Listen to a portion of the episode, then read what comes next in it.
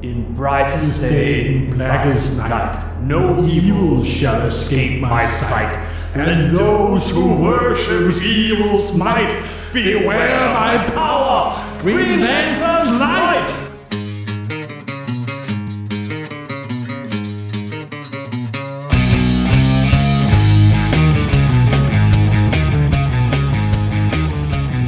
Det var ret godt, Morten. Simpelthen. Hej og velkommen til Vi Supersnak. kunne optræde med det, hvad vi nu også gør. Nu skal vi lige have det her program startet ordentligt, ja. som Ja. vi plejer. Hej og velkommen til Supersnak. Simpelthen. Med Marvel Morten og Kim Helt. Alias Morten Søndergaard. og Kim Skov. Det her er podcastet, hvor to tidligere tegneserieredaktører taler sig tosset om film, tegneserier, bøger og populærkultur, men med en helt særlig kærlighed til tegneserierne, mediet, hvor alt godt opstår. Og i dag skal det ganske rigtigt handle om Green Lantern. Yes. Green Lantern, og, og altså, jeg lige sige, øh, jeg har, det, det er ikke tit, øh, når vi mødes, og så hiver vi nogle tegneserier frem, men her er virkelig mange tegneserier lige nu foran os på bordet. Der er Golden Age, øh, der er 17 forskellige Green Lantern, der er alt muligt foran os, fordi det er et gigantisk emne. Det er faktisk nok det største enkelte emne, vi har beskæftiget os med overhovedet. Mhm. Mm-hmm. Medlemsantallet for Lignum Superheroes til at ligne den rene øh, satiriske spejderklub simpelthen. Og det er det. Når man siger Green Lantern, vi kommer til at snakke om Green Lantern som, som figur, som koncept, som, som alt muligt, øh, og så hele historien bag den her fantastiske figur, som virkelig er en af mine yndlings superhelte idéer. Det er jo ikke nødvendigvis de bedste superhelte de bedste historier altid, selvom der er noget virkelig godt iblandt. Men, men ideen er bare så grundlæggende fed. Simpelthen. For mig, jamen altså, hvem er og hvad er, hvis vi starter helt der, hvad er Green Lantern? Green Lantern er jo et korps. Nemlig, fordi Green Lantern er ikke en person. De fleste vil måske tænke Hal Jordan eller, eller sådan noget, men, men Green Lantern er Et korps. En organisation. et intergalaktisk politikorps. Simpelthen, eller hvad de nu er. Fordi mm. utallige, utallige af de historier omkring, hvad der i virkeligheden foregår bag gardinet simpelthen. Men grundideen er, at hele universet er delt op i 3.600 sektorer. Ja, og du befinder dig lige nu i sektor 2814. Simpelthen. Der er en eller anden underlig grund, der har kraftigt overvæg af grønne lygter. Yes. Men det er en helt anden historie. og i centrum af alle disse sektorer, der ligger planeten OA. OA. Yes. hvor The Guardians of the Universe styrer det hele, og hvor det centrale kraftbatteri er. Yes. Fordi alle de forskellige grønne lygter har jo en, det til fælles, at de har en kraftring. Og denne kraftring kan jo omdanne viljestyrke til materiske ting. Og det er sådan grundideen. Jamen, prøv lige at høre alle de ting, du hiver op nu, ikke? Altså, intergalaktisk korps. Øh, virkelig, det er hele galaksen, som er delt op i sektorer, ikke? Øh, som de har der. Og, og, og hver Måske det sektor hele har, universet. Ja, hele universet, og, og flere universer måske. Så har de øh, for hver sektor øh, i gennemsnit, tror jeg det er, to Green Lanterns. Ja, det er noget, der Og- er bliver, er bliver indført senere, faktisk. Okay. Og oprindeligt var det kun én grønne lygte per sektor, så vedkommende havde travlt. Senere to, og på jorden 5, 6, 7. Ah, det er puh, ja, det tør vi slet ikke tænke på. Og, og, og så har de ja en ring, som, som det er jo det jo forbinder med Green Lantern, at den, den kan ligesom øh, manifestere øh, hvad, hvad skal man sige, tanker, altså Det er ligesom constructs. Lampe. Nej, det er det ikke. Den, den kan ikke gøre ønsker til virkelighed, men den kan nogle gange lidt mere end plottet kan, men generelt så kan den lave alt muligt, så det er også lidt det afhænger lidt af bæreren, ikke? fordi Det er hvis det er præcis Hal det, der- der Jordan, det. som er testpilot, ham kommer vi til at snakke meget mere om, så er det mere sådan en, en hammer og en hånd og øh, sådan nogle hårde, konkrete ting. Det er Øh, mere hvis Guy, Guy Garner, der bruger de hårde ting. hvis det er. Guy Gardner, jamen, så kan det være en fodbold, der flyver igennem og lander i hovedet på dig. Hvis det er øh, en øh, arkitekten, øh, John, John Stewart, så, så øh, får du måske et, et sirligt øh, konstrueret højhus i hovedet. Og hvis det er, øh, hvis det er tegneserietegneren Carl Ratner, øh, der, der smider noget i hovedet på dig, jamen så er der en god chance for, at det er sådan en øh, armbold fra en, en tegnefilm. altså, det, det er det, det er af Øh. Ringen er en refleksion af den, der bærer den. Men, men, men så sagde du også noget andet, at det handler om viljestyrke, og det er jo det. Du har hele det her korps, den her fantastiske science fiction idé, men grundlæggende så handler det om vilje, Og om følelser. om følelser, og en, især en frygt, øh, en følelse, nemlig frygt. Fordi dem, der kan blive Green Lantern, kan overvinde frygt. Så hele selve, selve konceptet i, i det her Green Lantern-ting, det er at øh, overvinde frygt. Ja, men der er det jo sjovt, fordi oprindeligt så blev det præsenteret som dem, der ikke havde noget frygt. Det er rigtigt. Det har, det har ændret sig igennem Og, og det er jo med tiden blevet opfattet som nærmest en negativ ting. Mm-hmm. For hvis du ikke har frygt, så, er du jo også, så tænker du ikke så meget om, som hvis du har frygt. Og det er der selvfølgelig også lavet utallige grønne lygte historier om, eller ja. historier om. Ja. Og så senere hen, som vi kommer ind på, så bliver hele det emissionelle spektrum jo introduceret. Ja, Så ikke kun var et grønt kort, men også et, der var gult. Du har fuldkommen ret i, at det her er gigantisk. Det, det for Legion of Superheroes, eller X-Men, eller nogle af de andre til, at- til, til at ligne. Altså, Hvis du tog samtlige medlemmer af Avengers, X-Men, Legion of Superheroes og Justice League of America lagde sammen, så ville de ikke kunne fylde en brøkdel af, hvad Green Lantern Corps kan præstere. Yes. Hermed tror jeg, at vi kan for alvor gå i gang. Det er Green Lantern. Green Lantern er ikke en figur, det er mange figurer. Det er, det er et koncept, det er en idé, det er en følelse. Og så er der også det, at for mig er hele Green Lantern tegneserieuniverset jo, fordi det er jo mine to yndlingsemner smækket sammen, science fiction og superhelte. Fordi superhelte er jo sådan en undergenre af science fiction, og det er uden tvivl den superhelte del af superhelteuniverset, der er mest påvirket af rigtig gammel, klassisk, traditionel science fiction. Yes. Faktisk er det den serie, der er skrevet af flest Hugo-vindere. Ja. Hugo er jo den der Oscar, der bliver uddelt hver år til den bedste science fiction bog og romaner, noveller og short story mm-hmm. osv. osv. Men det kommer vi også ind på. Det er et genialt koncept. Men skal vi prøve og så se, hvor meget af det, vi kan nå at berøre, hvis vi går helt tilbage til starten. Helt tilbage til starten er jo faktisk før korpset, Før Hal Jordan, før alt, før alt. tilbage til 1940 og Golden Age. hvor Green Lantern så ganske anderledes ud. Han, øh, han havde sådan en rød trøje og en grøn kappe, øh, grønne bukser, øh, og, og, og var en helt anden figur. Men ja, vi skal tilbage til 1940, og historien, vi har øh, en, en, hvad hedder det, genoptryk af den første historie lige her. Jeg tror ikke, der er så mange, der kender den her origin-historie. Så lad os prøve, sådan, hvis man sådan kort skal fortælle den, så handler den om øh, øh, en, en fyr, som hedder Alan Scott. Det starter med Alan Scott. Han har lige det, hvad hedder det, designet en jernbane. Han er ingeniør. Han er ingeniør. Og øh, ligesom de skal til at køre over jernbanen med tog, så finder han en sjov lille lampe, når lige at røre ved den, og så crash, boom, toget styrter ned. Øh, broen, de, han har bygget, er, er simpelthen gået i stykker. Han lander.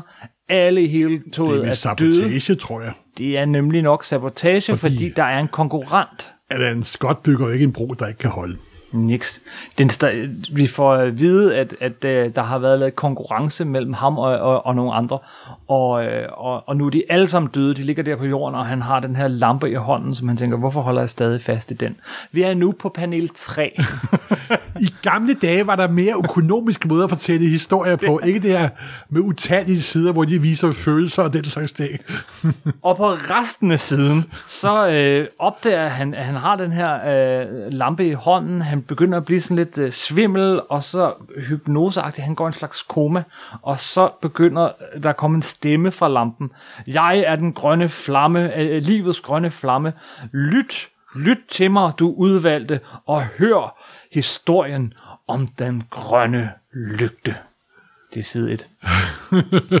Og så begynder det. Ny overskrift. The Tale of the Green Lantern. Og det viser sig, at vi skal mange år tilbage. Tusinder år tilbage endda.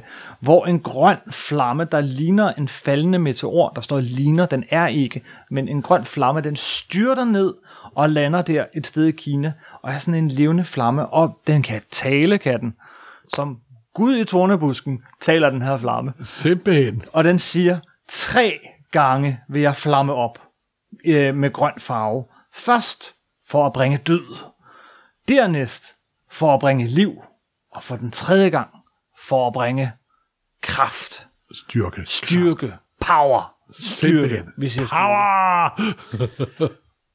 Lige så snart den har sagt det, så går øh, flammen ud, og øh, en gammel øh, vismand får fat i den, øh, Og jeg tror, samler da, den det op. er en orientalsk vismand. Det er en orientalsk vismand, som samler den op og beslutter sig for at lave øh, smelte den om Den er nemlig nu er den smeltet til et slags metal. Og så laver han en lampe. Sådan en Aladdin-agtig type lampe. Altså sådan en, en, en, en lang tid før elektricitet lampe. Så noget med, med olie og en væge. Præcis.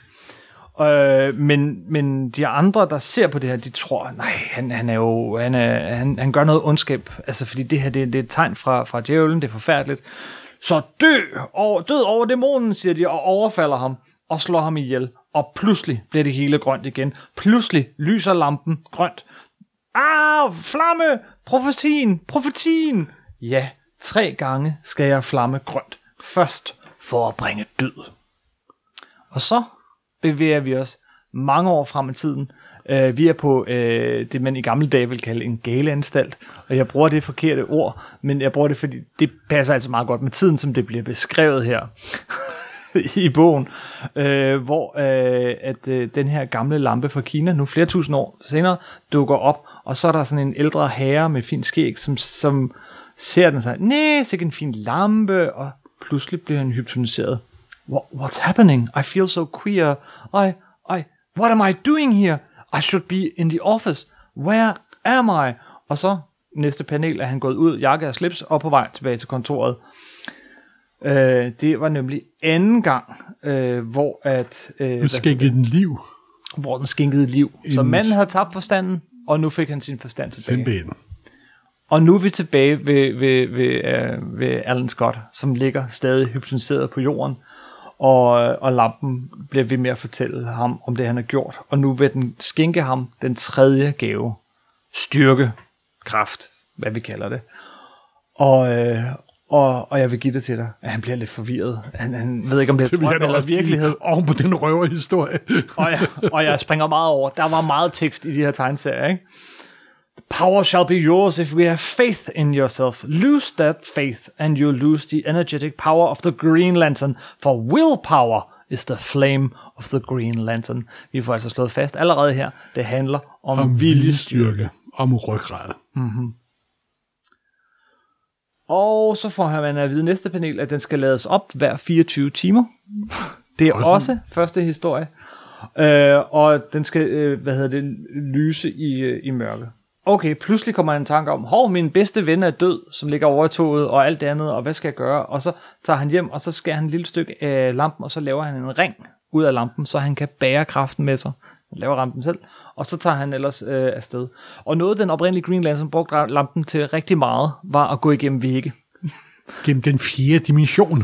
Yes, den fjerde dimension, så han kan gå igennem objekter, og øh, de her skurke øh, mod, øh, forretningsmænd, der har været mod ham, de bliver jo helt skræmt for videre sans, fordi han træder igennem som et spøgelse, og prøver at slå ham, og de slår ham med køller, og de slår ham med det ene, og han står bare uh, fuldstændig mægtig, indtil en slår ham med. Tre. Han har nemlig en svaghed, Fordi alle superhelte har en svaghed. og han er ikke gul. Nej, det er tre. Nå, men øh, det fatter han så også, det her første nummer, og så øh, banker han ellers skurkene, øh, øh, og faktisk så har han hovedskurken. Han dør. Han slår ham ikke direkte ihjel, men han skræmmer ham for videre til han dør. og så beslutter han sig for, at det her, det er jo en god ting. Jeg må, øh, jeg må skifte mit tøj, øh, og, og tage et kostume på, og så være grønne lygte. Det var første historie. Simpelthen. Og det sjove ved den historie er jo, at den oprindelige idé kommer faktisk fra, hvad hedder han, Noddle, ikke Martin Noddle, Altså, hvad hed? øh, forfatteren til den allerførste... Nej, ikke, ikke forfatteren, det var en tegner, der fik den grundlæggende idé. Uh, Martin Nuttall, jo. Ja, Øh, men så, øh, da han præsenterede den for sin chef, øh, Meyer, Ja. Så sagde han, ja, men det der er en meget god idé, men jeg tror, vi lige prøver at sætte en, der, en af vores gode forfattere på, og den forfatter var intet mindre end hovedmanden bag Batman, Bill Finger. Det er det. Det er meget sjovt. Det er en, hvor Bill Finger også har været med til at... Igen, det store kontrovers. Hvad er skabning, hvad er ikke skabning, hvad er bearbejdelse, og det skal vi slet ikke komme ind på her. Nej. Men Bill Finger har en meget stor andel i grønlygten. Det, det, det, den historie går igen med det. Ja. Stakkels Bill Finger. yes, yes. Og ja, og den gik så hen, og det var det, der hed, det var det firma, der var All American Comics. Som sammen med to andre forlag gik hen og blev DC Comics Ja, på et på, tidspunkt. de blev samlet til DC i øh, starten af 60'erne. Mhm. Mm-hmm. Og den meget komplicerede familiehistorie der skal vi nok komme ind på senere. Jeg har faktisk ved at forberede en længere udredning, når jeg selv får udredet trådene. For tro mig, de er indviklet og mange, og meget af det er slet ikke fortalt endnu. Men Alan Scott, han er, er så Green Lantern, og han bliver sådan... øh, Han, han, øh, han bliver en super populær superhelt faktisk der, øh, i, under, især under krigen. Øh, han, han bliver udstyret, ligesom de andre, med en sidekick. Det er så sådan en, en taxachauffør. Det bliver det bliver- ja, en, en skaldet lille taxachauffør. Ja, fordi alle skulle have et sjovt sidekick. Ja. Øh, og selvfølgelig også en hund. Han har, ligesom Batman har Ace, så har han også Jeg tror, det var lidt senere historien, at hunden dukkede op faktisk, men det, det er okay. Det var stadig Gold, Golden Age, at han fik den. Det var ret tidligt. Og, øh, og så huserer han ellers i Capital City. Og så er han mere en, en... Hvis du så ham dengang, den måde, han opfører sig på og bevæger sig på, så ville du mere synes, at han lignede der en Mandrake-kopi, eller at han var en troldmand nærmest. Ja. Fordi det var den magiske la- laterne, og Men det der med magi, det er faktisk noget, som for senere rigtigt, at man forbinder lampen med magi 100%. For der er også sådan, kommer den fra rummet, eller hvad? Det er ikke sådan helt nej, det er, du har, fuld, du har fuldstændig, fuldstændig ret. Der er sådan lidt, hvad er det egentlig, det her, ikke? Og, Ja. og så videre, og så videre. Men altså, som alle andre fleste Golden Age superhelte, så æbber det ud der i 48, 49, 50. Ja, Og de sidste historier mere var faktisk, da han var medlem af Justice Society of America, hvilket igen er med til at sige noget om, hvor populær en figur ja, han var. som der igen lukkede der omkring 1950. Yes. Der vil jeg lige sige, inden vi sådan helt forlader ham, at nogle af de forfattere, der var arbejdet på, på serien, mm-hmm. var altså selvfølgelig Bill Finger, men også en, to meget kendte science fiction forfattere. Harry Cotner, som der døde i redde 66, en af klassiske science fiction øh, genre store idoler, store helte, Ja. store skaber, og Alfred Bester, Ja, der faktisk er, bliver tillagt af ham, der, der endelig færdiggjorde den berømte ed, som vi startede podcasten med her. Og Alfred Bester er jo i mine øjne en af de aller, aller største science fiction forfattere af alle. Han er modtager af den allerførste Hugo i 1953 for The Demolished Man, der på dansk hedder Tankepolitiet. yes. Der er et milepæl inden for science fiction litteraturen. Men inden han blev en kendt science fiction forfatter, så levede han af at skrive tegneserier. Og der er faktisk en beskrivelse af, hvordan han siger, hvordan Bill Finger hjælper ham med at forklare, hvordan man skriver tegneserier. Ja. Fordi det ikke altid er, at prosaforfattere er gode til at overføre deres talent til at skrive tegneserier, men det er en helt anden historie. Men det sjove er, at redder der viser det sig, at Green Lantern har en sådan en grundlag, en DNA af god science fiction simpelthen. Og Harry Cotner og øh, Alfred Bester, der får du ikke bedre science fiction. I hvert fald ikke bedre 50'er science, science, science fiction. Hmm. Men som du sagde, ja, folk blev hurtigt trætte af superhelte dengang, og superhelte forsvandt alle sammen På, øh, på, på nær tre, på nær tre. de tre store. Og, øh, men, øh, og så et år 10 senere, så, øh, har, er, så har vi fået øh, hvad hedder det, øh, DC Comics, og en redaktør, som vi har omtalt mange gange, der hedder Julius Schwartz. Ja, og Julius Schwartz er en ret sjov figur, fordi han stammer også fra den originale science fiction fandom. Mm-hmm. Han var en af de aller, aller første science fiction fans helt tilbage i 30'erne. Var med til at skrive nogle af de aller første science fiction fanzines. Og hele hans tilgang til superhelte er typisk science fiction. Mange af de forfattere, han hiver ind, er tidligere science fiction forfattere.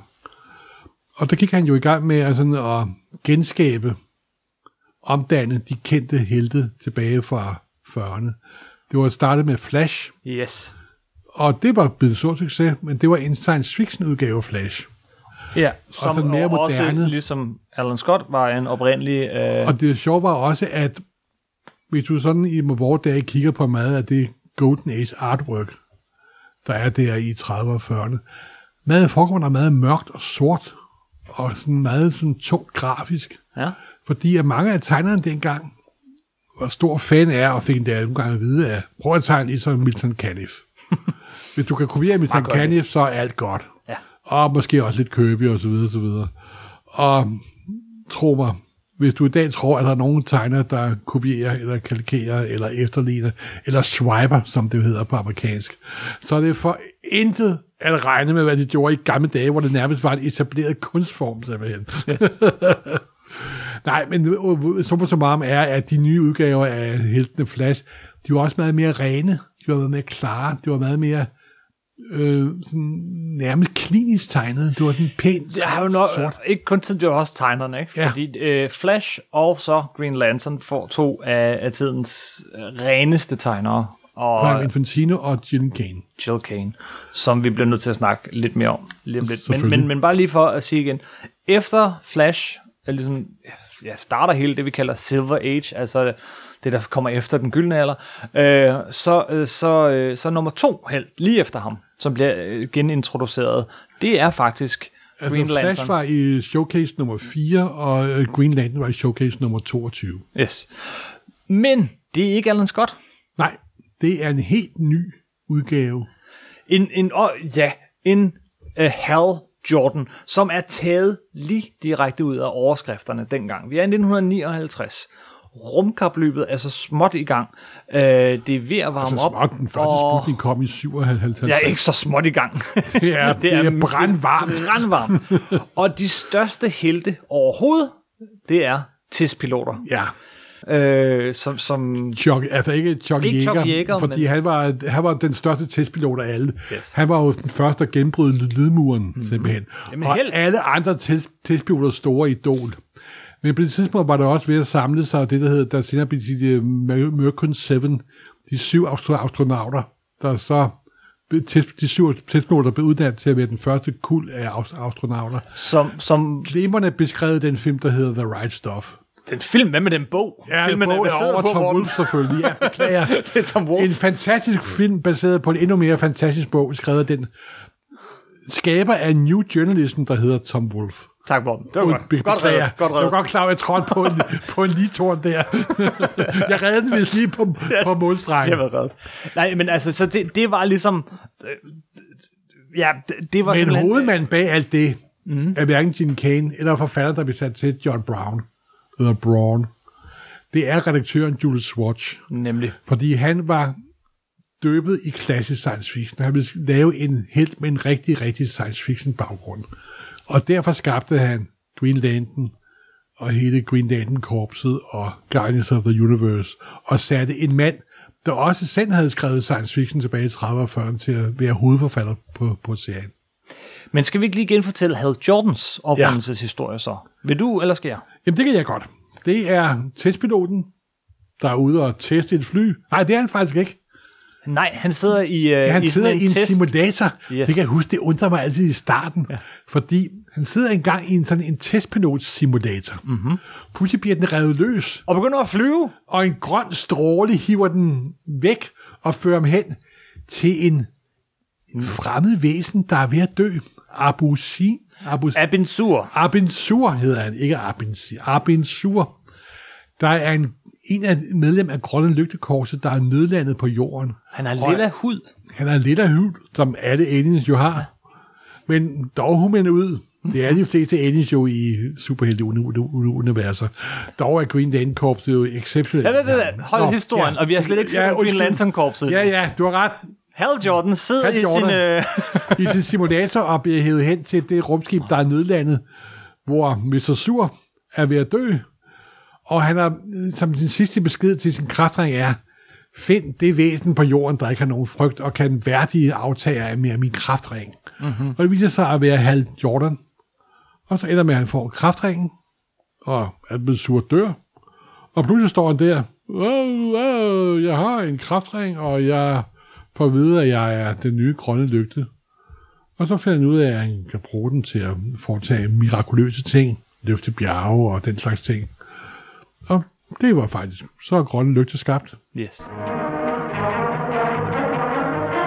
By authority of the mystic guardians of the universe, on the far distant planet Oa, Al Jordan, test pilot, becomes the Green Lantern, a cosmic crusader whose magical power ring at his bidding accomplishes the impossible. In his continuing fight against interplanetary evil, Green Lantern, Guardian of the Galaxy. Og i løbet af de næste få numre på ganske kort tid, så vokser det her univers ret meget. Ismark, det er meget kraftigt. Øh, men allerede nummer et får vi også øh, en del af figurgalleriet med. Vi, får blandt, vi møder blandt andet, øh, øh, hvad hedder Ferris, øh, hans, hans kæreste igennem mange, mange år. Øh, og Og der er jo det sjove, at de, der kommer først tre numre, det der hedder Showcase 22, 23 og 24. Mm-hmm. Men det, så starter de en ny serie, og det starter med nummer 1. Ikke ligesom Flash, der faktisk startede med den gamle nummerrækkefølge. Det er derfor, at Flash har nummer 110, og Green Lantern har nummer 1, men det er begge to nummer 1'er. Mm-hmm. Og i nummer 1 bliver der intro- introduceret for læserne, men ikke for Hal Jordan, Guardians of the Universe. Yes. Nogle små blå gnomer, der har... Små blå gnomer. Små blå gnomer, der har sådan nogle badekåber, dragte, kutter, Ja, og kæmpe hoveder. kæmpe hoveder, hvad alle superintelligente aliens jo selvfølgelig har. Altid. Og de har uendelig meget magt. Og det er lidt sjovt, ikke? Fordi på det her tidspunkt, der er det bare sådan, jamen, gamle, øh, gamle mænd, som bestemmer det hele. Det er fint. Og, øh, og, og den holder ikke så godt i dag, så sådan igennem tiden, så, så er de, øh, det, det skifter sådan for alvor omkring øh, i starten af 70'erne, så er de der gamle mænd, der bestemmer alt, det er lige pludselig ikke så fedt. så det, det, det, de, de er gået fra at være øh, de gode beskyttere til at være lidt skurke. Lad mig Eller sige på den fascister. måde, at utallige er de historier om Green Lantern Korpset, hvor det viser sig, at Guardians, de har en hemmelighed. De har noget, de ikke vil frem med. Ja. Og utallige er de historier, hvor Ja, det kan godt være, at vi ikke er så ufejlbarlige, som vi har givet indtryk af. Faktisk var der på grund af det og det og det og det og det. Fordi de har jo en baggrundshistorie, der ikke, ikke er tusind, ikke millioner, men milliarder af år. Milliarder år Og forestil dig, hvor mange fejl du kan nå at gøre, gøre på 4-5 milliarder år. det er ikke, det er ikke få. De er ikke få. Øh, de bliver introduceret, og Guardians øh, viser det sig så, øh, har jo så hele det her korps, vi startede med at snakke om, øh, og, og, og som ligger i hele universet, men de er også, øh, de, de var selv rimelig normalt mennesker engang, og så øh, udviklede de sig til den her superrace, der ligesom har sat sig for at beskytte hele galaksen. Ja, Øh, men de var ikke, Green Lanterns var ikke deres første forsøg på at gøre det. Nej, nu, nu foregriber du lidt Det kan være, vi skal gemme den historie til senere. Ja, fordi øh, øh, Green Lantern, du ser også det der med Colin Farrells. Ja. Øh, Øh, hun var jo en figur, der introduceret som hans romantiske in- interesse. Men hun var samtidig også, efter datidens forhold, hun var også chef for den Ja. fabrik, hvor han arbejdede som, som testpilot. jeg sad lige og læste de første øh, 30 Golden Age hæfter, eller sådan noget, tror jeg. Skimmede, læste. Ah, og, og, og, du øh, læste de 30, så læser du hurtigere end mig i hvert ja. fald. Og, og det er sjovt, som hun bliver introduceret der. I første nummer, der, og der, det er igen sådan også tiden, ikke? Altså sådan, måden, Ja, ja, måden han, han, han sådan læner sig ind over hende, sætter armene på hver side af hendes hoved, og sådan snakker til ham på sådan en måde. og så er det sådan, okay. Øh, men så allerede i anden Green Lantern historie, så får vi at vide, at hun skal nu være chef for hele Fordi det hendes her. far er taget på en rejse, jordomrejse. Mm. Og hun får altså lov at bestemme det hele, og så siger hun til Hal Jordan, ja, men så har jeg ikke tid til, har jeg kærester de, de næste to år. To år, siger han så, og føler sig helt trådt på.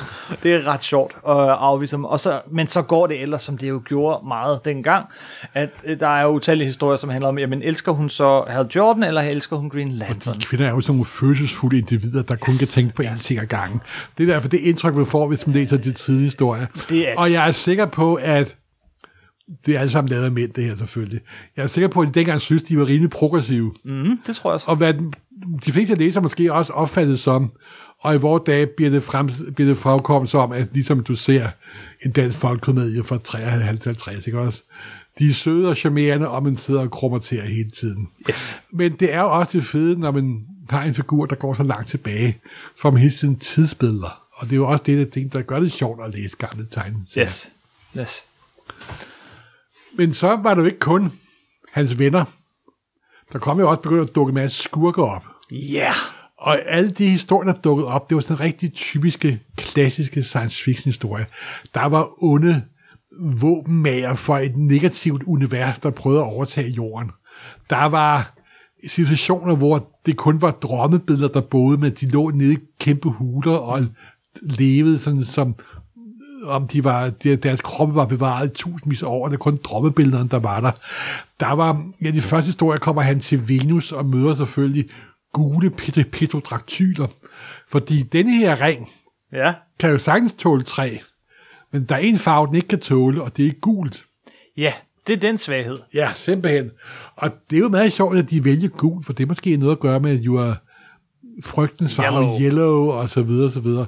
Og det bliver senere en meget vigtig del i fremtidige historier. Ja, det, det viser sig. Men frem for alt er det John Bourne, der skriver historierne, og han bruger alt det, han har læst og lært ved klassisk science, science fiction. Og det er ganske vidunderligt, og ret hurtigt.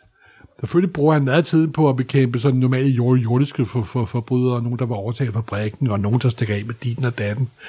Der dukker der fremmede væsener op, der dukker andre grønne lygter op. Ja, det viser sig jo, at... Øh, øh, altså, jeg ved ikke, mit, en af mine første møder med, med Green Lantern, hvis jeg lige hopper ud af den øjeblik, det har nok været Alan Moore-historier fra, fra, fra 80'erne. Åh oh, gud, er du dog ung. Det Men- er dog helt utroligt. Ja, ja, ja. Det er Men- en podcast med en baby.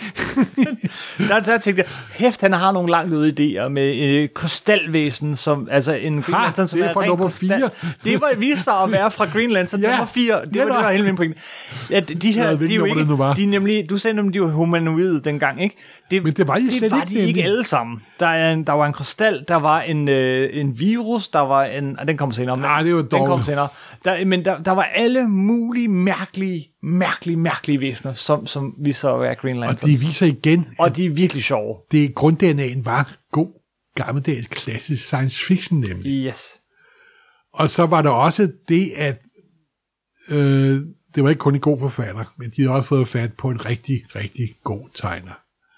Gene Kane. Ja, Der var jo her, der havde startet, han var blevet født i Europa, immigrantforældre, Jo- øh, han var selvfølgelig også, han var selvfølgelig også af altså jødisk afstamning, kæmpede sig op gennem systemet, var en tidligere assistent for Jack Kirby, havde lært en masse af Jack Kirby, men så var efterhånden ved at finde sine egne ben, tegnede en masse øh, cowboy og western og romance. Så fik han endelig en fast, et fast stykke arbejde, et fast gig med at være fast tegner, både på Atom, som bliver også introduceret senere, og så Green Lantern her. yes.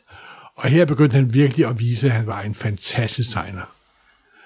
Han den her klare, rene streg, men er virkelig god til at tegne monster, Monst- maskiner. Ja. Han er faktisk... Men også, også fysik. Menneskelig fysik. Fysik. gør han på en anden, langt mere levende. Altså muskulaturen sidder korrekt. Og, Og så laver han en ting, der er meget, meget, meget afgørende for figurens succes. Det er ham, der designer dragten. Nemlig. Han kom på lidt sent i, i processen, men det var ham, der designede dragten.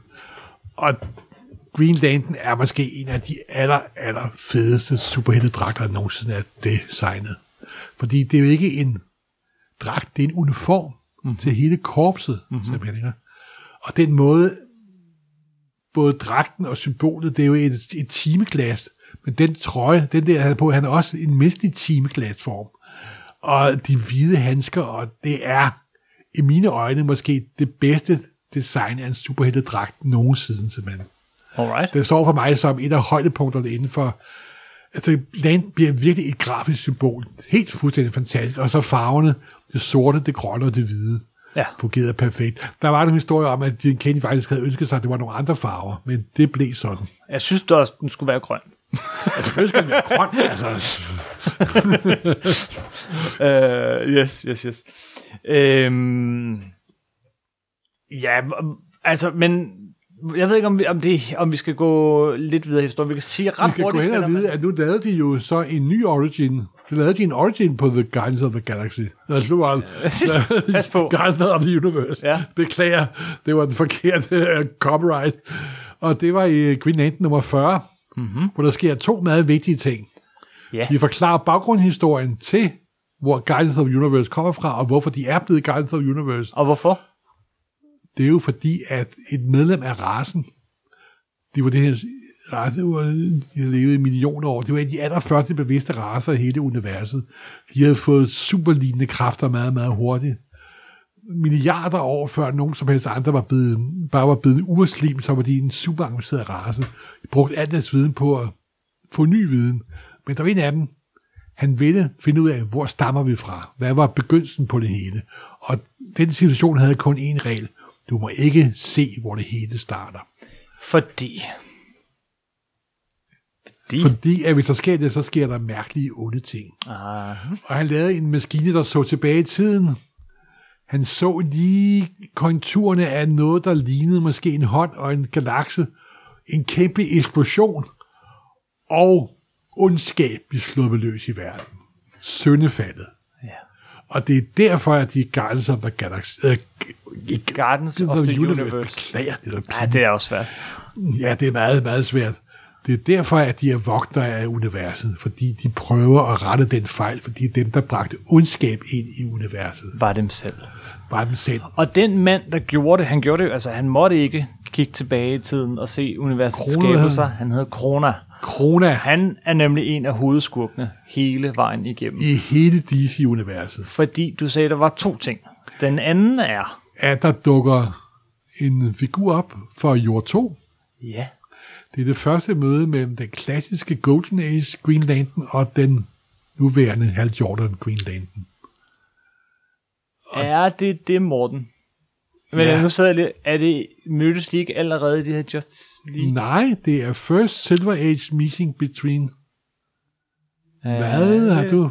Er det Du ikke? ser tvivlende ud. Ja, fordi øh, de var jo allerede begyndt at indføre de her øh, møder mellem Justice øh, League Det var og efter. Justice Society. Okay, Det var godt efter. nok. Godt nok. Det er jeg ret sikker på. Okay. Det er i hvert fald øh, første gang, vi møder multi-universet. Nej, nej, det er det ikke. Det er jo i Flash-historien. Flash of Two altså, Worlds. nu.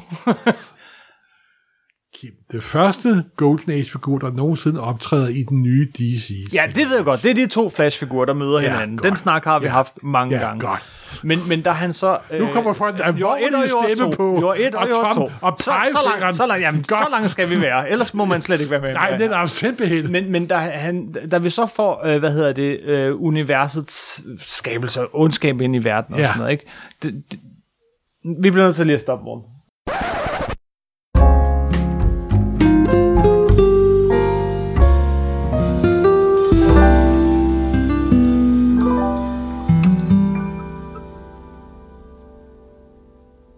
Nå, det var det, du ville have. Nej! Okay, øh, det der lige skete, kan man så lige sige til dem, der lytter med nu, var, at øh, jeg, jeg slukkede for optagelsen et øjeblik, fordi øh, det her, det, det kunne jeg simpelthen ikke, det kunne jeg ikke få til at passe. Og, øh, og det viser sig, at Kim påstår, at han har ret. Kim har ret.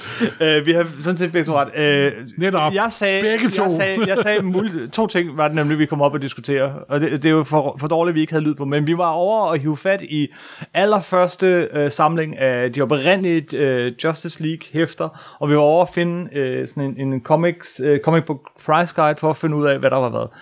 Jeg sagde, jeg sagde øh, hvad hedder det, multi-universet, og, men jeg ved selvfølgelig godt, at øh, Flash var den første, der mødte sin egen Flash, og vi fik Det jord jeg 1 og godt jord klar 2. over, du ved. Jeg skulle bare Men, drille. men, øh, men, men det er fordi, at jeg ikke mener multiuniverset, men Infinite Earths. Ja, Fordi i Crisis on Infinite Earths, den her hovedserie, altså en af de vigtigste grundpiller i hele den amerikanske superheltehistorie, øh, der vender vi tilbage til den her scene med Kronos og hånden og og det er det, der og gør, ondskaben. at Green Lantern nummer 40 er blevet så et vigtigt nummer, og så et værdifuldt nummer. Guardian Fox i Justice League har jo det, der hedder Crisis on Earth 1. Det er nemlig det andet, og det er nemlig, at at Green Lantern, de to Green Lanterns, havde mødt hinanden Ja, før og det var her det, jeg tog fejl. Og det er ikke første møde mellem den øh, oprindelige grønne lygte og Green Lantern, her Jordan lygte. Ja. Der er, I Er, det- er det det, vi kalder, det her var sådan totale afsporing af det her podcast? Fuldstændig. Men det er jo det, folk kan lide. Det er, vi er, godt, vi er grundige. Vi er Uforståelige og nørdet, men vi er grundige. Alright, tilbage til sporet. Skal vi ikke sige det? Ja. Uh, sige, der er en ting, uh, inden vi når til den anden virkelig vigtige periode i Green Lanterns historie, uh, så er der lige en ting, uh, en figur, vi, vi skylder at nævne. ja, og det er igen en af de figurer, som der med øh, tidens ud, udvikling og så videre, så videre. Der, var- den oprindelige Green Lantern havde Dick Dickley, taxachaufføren. Ja, Men denne Green Lantern får også en sidekick. på en måde, ja. Og det er en Greeks monkey, som der var sådan et slangudtryk for de der flymekanikere. Yes. Det viser sig, at det er en inuit, eller en eskimo, som det hed dengang. Ja. Og han blev kaldt Pieface. Og det bliver han kaldt, at de bruger også hans rigtige navn en gang imellem, Thomas Kalulua, som jeg ja, husker, det er. Ja. Og igen, jeg er sikker på, at forfatterne synes, de var enormt progressive osv. osv. Mente det godt. Og i dag vil det betragtes som dybt racistisk simpelthen. Og det er igen det der med, at det er bladet fra en anden side, som der taler til os. Ja. Jeg vil dog sige, at øh, Pieface, som der er hans kælenavn, kaldnavn i, i serien, han har en ret aktiv rolle, og han bliver fremstillet utrolig positivt simpelthen. Yes. Han vil sige, at han er en af de sidekicks, øh, som der nok bliver behandlet bedst, synes jeg. Det må jeg sige. Men det er sjovt, det er ham, du tror, jeg, jeg, jeg, jeg, jeg, jeg tænkte på, for det var det slet ikke. Øh, og, men det er faktisk to andre. Øh, jeg sagde en, og så kommer jeg selv i tanke om en til. Så der, der er et stort figurgalleri, og, der er om, og vi, vi når ikke hele vejen omkring. og men, men, især, især på skurkesiden. yes, og der er nemlig en skurk, vi kommer til at tale om. Men vent lige med ham et øjeblik, ja. fordi der kunne lige, det kunne lige så godt ikke have været Hal Jordan, der blev Green Lantern. Det finder man ud af i nummer... Op, det, det er ret sent op Nej, i 60'erne. det er ikke ret sent. jo, jo, Øh, nummer okay. 59 Nummer er det. 59, Nummer 59, vi er stadig ret forholdsvis i det store hele. ret tidligt Jamen, du har, i men jeg har jo en underlig tidsregning. For mig er gammel Green Lantern, det er fra før nummer 30. Ikke? Jeg ved godt, det er uendelig mange år siden, men sådan er min hjerne indbygget engang. Med. Okay, okay. Øh, men det viser sig jo faktisk, at øh, der var en anden, der var lige så værdig til at bære, øh, hvad hedder det, ringen. Den Så- eneste som- forskel var, at Jordan var tættere på. Nemlig. Og det var Guy Gardner, Guy Garner. som øh, dengang var en lidt anden karakter, end han blev gjort til senere. Han Men er var, blevet omformet lidt. han var, øh, hvad hedder det, idrætslærer og, øh, og træner, og, øh, og kunne lige så godt have fået ringen. Han var, han var, han var et jock, som Og, hed. men han dukker så op igen og igen, fordi det, nogle gange får han nemlig sin egen ring, og han, han, nogle gange indtager han grønne lygte rollen for, som jordens, eller øh, Han er sådan en 28. reservegrønne lygte. Yes, den første reserve grønne lygte, og der kommer snart en til, Der kommer mange. og så en til, og så en til. Og så en til.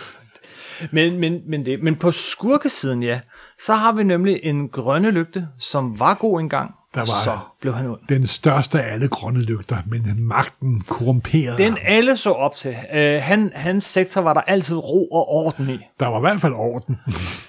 Ja, for ellers så fik du, sm- så fik du smæk. Uh, Sinestro, Sinestro. Som faktisk uh, skulle være Hal Jordans underviser, eller sådan noget på... Ah, det er en, øh, det er en retcon. Det er en det er noget, retcon, de ikke senere også? har lavet. Ja. Oprindeligt så dukker han op som skurk. Ja, han dukker nemlig op i en af de der første hæfter, som jeg, jeg også havde bladret i Ja. en anden dag. Jeg bytter nogle gange lidt om, fordi at figuren er blevet retconnet nogle gange. Øh, men men han, øh, han dukker op, og så suger han kraft ud af Green Lanterns ring. Til at styrke, styrke sin egen gule ring. Ja. Jeg tror, det er der med hans gule ring og hans korps, det er også noget, der kommer senere. Korpset kommer langt Han senere. var bare en af Renegade Green Lantern, Mhm. simpelthen. En og- ond grønne lygte, som engang havde været den mægtigste af alle Ja, grønne lygter. og nu er blevet til en ond grønne lygte. Yes. Og det er jo igen et af superheltegenrens allerstørste klichéer, eller trope, som det hedder på amerikansk, at de møder sådan en ond spejlbillede af, af, af, sig, af sig selv, og det er jo altid underholdende og altid godt. Og han bliver jo tæsket efter den ene gang efter den anden. Men han er en, han er grønne lygtes Dr. Doom, det er der ingen tvivl om overhovedet, simpelthen. Vi elsker jo begge to rigtig meget de her øh, tidlige øh, Green Lantern-historier fra 59 og et par år frem. Øh, øh, ikke mindst på grund af Jill Kane, tror jeg, og, og historien. Og de har deres også på grund charme. af, da jeg kunne huske, da jeg første gang stødte på dem på, på dansk, det var da jeg læste bladet, der hed Lovens Vogtere. Mm. Og der var mange af de forsider, de valgte, og det var sådan en blanding af, det var ikke Batman og Superman, men de andre Lynet og Supergirl og Grønne Lygte. Og jeg tror jo faktisk, at på et tidspunkt, der var Grønne Lygte min yndlingsfigur af alle de DC-figurer. Jamen, det er, er han der. Og Fordi en- han er så tæt forbundet til science fiction idéer og science fiction foregik det ydre rum. Mm. Det var DC's svar på en rigtig fed space opera, simpelthen. Ikke? også? Yes. Fremmede raser, mystiske stjernesystemer, og så også din Keynes utrolig effektive forsider. Jeg kan huske en af de forsider, der var på øh, Lovens Vogter, som det blad, der kom i fem nummer, fire-fem nummer på dansk. Det var, at man ser sådan en grøn lytte slå en forbryder ud, men så er hans arm er splittet op, og han er en robot inde, inde i. Og det er ikke det, der sker. Han er bare blevet hypnotiseret i historien, men den der forside med, hvor oh, gud, jeg er en robot. Ja. Altså, Dean Kane var genial til at lave forsider, der var et øjeblik spillet af en, en dramatisk begi- begivenhed. Og han var faktisk så god til det, så da han i 70'erne mest arbejdede for Marvel, de forsider, han designede på skitseplan og måske et andet for Marvel gennem de år, er utallige simpelthen. Han er de tegnere, der har lavet flest forsider overhovedet, mm-hmm. fordi han kunne samme trick, som også med Joe Cooper var god til. Et øjebliksbillede, der får læser, gud, den historie må jeg læse simpelthen, ikke? Men, og, men det var altså, hans, øh, da han var i Låns Vogter, der blev helt vildt med grønne lygte, simpelthen. Men hvis vi så, øh, ja, helt vildt med grønne lygte, ideen, det hele, alt det der. Men hvis vi så lige zoomer en lille smule ud, Ja. øh, så er vi nu, hvor vi har snart, nu er der gået nogle år, han har været, lad os sige, vi er ved at være en 10 år øh, fremme næsten. Nærmere I- i- også slutningen af 60'erne. Yes. Hvis vi så lige er zoomer ud 70 et øjeblik, 70. og så kigger øh, på, på, så er de faktisk en lille smule naive, de her historier, hvis du holder dem op i forhold til, hvad Stangnaive. der kom fra Marvel på det her Jamen, tidspunkt. Altså... Og, og øh, lige så godt vi kender Peter Parker og forstår hans følelser og tanker og Sue og, og alt det her, lige så papirtynd er Hal Jordan-karakteren og, øh, og, og, og, og de andre. Vi ved i virkeligheden meget lidt om Hal Jordan, andet end han er øh, Chubang. De prøvede at gøre ham for eksempel i slutningen af det klassiske forløb, som vi siger op og til med nummer 75. Så prøvede de at gøre ham til forsikringsagent på et tidspunkt, der rejste rundt og, og tænkte, for, husk, det er jo en forsikringsagent. Kunne de ikke have fået noget, der var endnu mere kedeligt simpelthen? Ikke? For testpilot til forsikringsagent. Yes. Wow, simpelthen. Der er sgu en mand, der har problemer på privatfronten. og det var måske også deres forsøg på, som du selv siger, at de vidste godt, at Hal Jordan var en papirtynd figur. Ikke? Der var ikke meget Nej, over det. nej, det var der ikke. Øh, det var mere space opera, som du siger. Men i starten af 70'erne, så havde DC jo lært lektion. Ja, det må man sige. Faktisk øh, 1970. De modificerede mange af deres figurer, Batman, Superman og også Grønne Lygte. Og det gjorde de på en ret speciel måde. Øh, for det første, så, så er det igen et tegner-forfatterpar, som øh, har en vis betydning. Det er selvfølgelig Daniel Ja. O'Neill og Neil Adams. Det må man sige. Som vi jo, det er ikke længe siden, vi snakker om, om, om Daniel O'Neill, så måske vi ikke behøver at gå super meget detaljer med det her, men, men det de gør er, at de fra, øh, fra nummer 76 af Green Lantern-serien i april 70, så øh, omdøber de bladet til Green øh, Lantern with Green, Arrow. Arrow. Grønne lygte, grønne pil, kommet på dansk tre gange, tror jeg. Øh, Det er vist en af de mest optrykte øh, forløb i tegneseriens historie, tror jeg. og, ja, ja, og meget berømt, og vi får historien Og det med. Også skide godt, men måske en smule datet efterhånden. Men det, der er sjovt, er, at de ser Green Lantern for, hvad han er. En politimand. Lidt forstokket. Øh, og så sætter de ham sammen med øh, Green Arrow, som i den grad bliver genopfundet. Langt mere end Hal Jordan her. Øh, der var sket det, at Neil Adams havde nemlig omdesignet Green Lantern i en Brian Bolt-historie lige et stykke tid før, givet ham fipskæg, lavet ham om til en Robin Hood. Ja, til Robin Hood, men det var han jo også i forvejen. Men sådan lidt en hippie-type simpelthen, ikke også? Og så, og så endte det også med, at de tog alle hans penge, penge fra ham, så han ikke var den der fuldstændig kopi af Bruce Wayne, Yes. som altid havde været Green Lantern, Green Arrows øh, problem. Og så vil jeg da. parre den her figur, som skyder med bur og pil og bor på jorden, med den her intergalaktiske politimand. Øh, men hippien og småfascisten.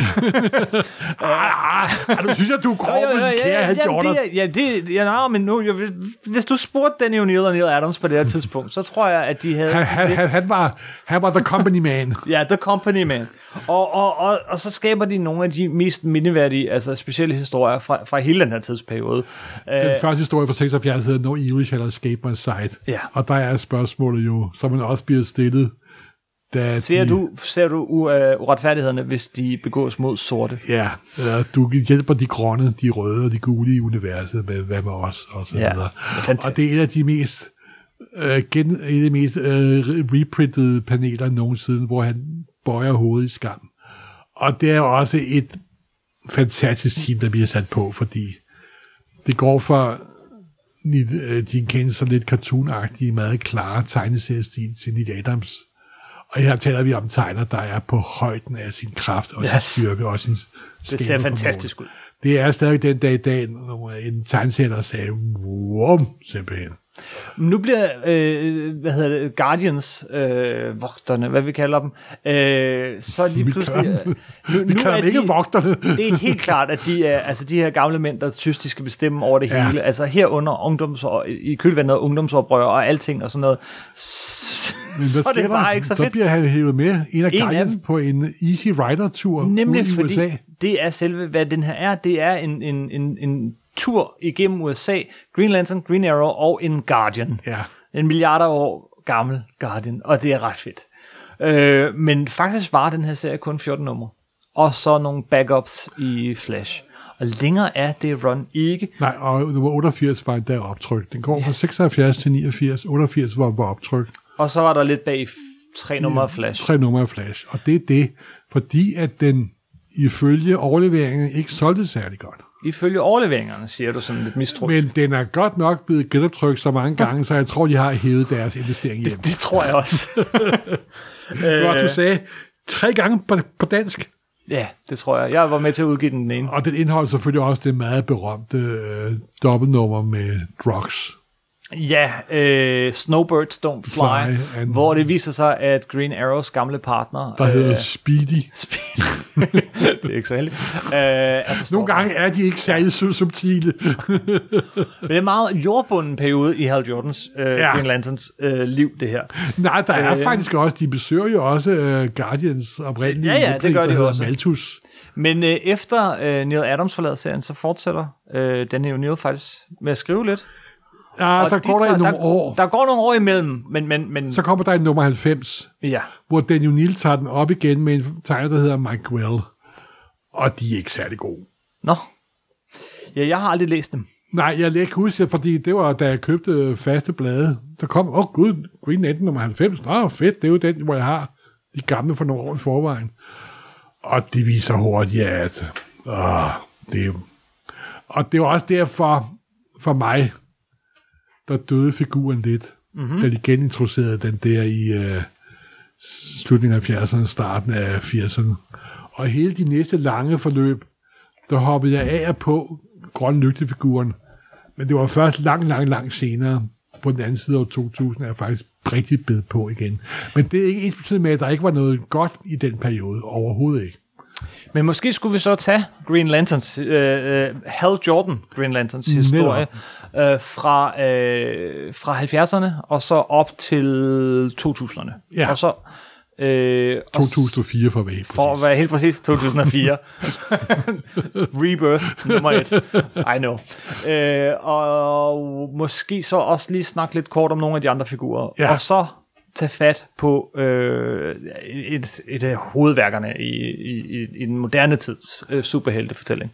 Det synes vi i hvert fald. En af de mest splashy og farvestrålende og storladende. Men inden vi når dertil, så synes jeg, vi skal lige kort omkring øh, tre figurer, tre Green Lanterns. Øh, Hal Jordan, øh, Guy Gardner igen, og så en tredje grønne lygte, som, som dukker op. Og en fjerde faktisk, og en fjerde grønne lygte, som dukker op.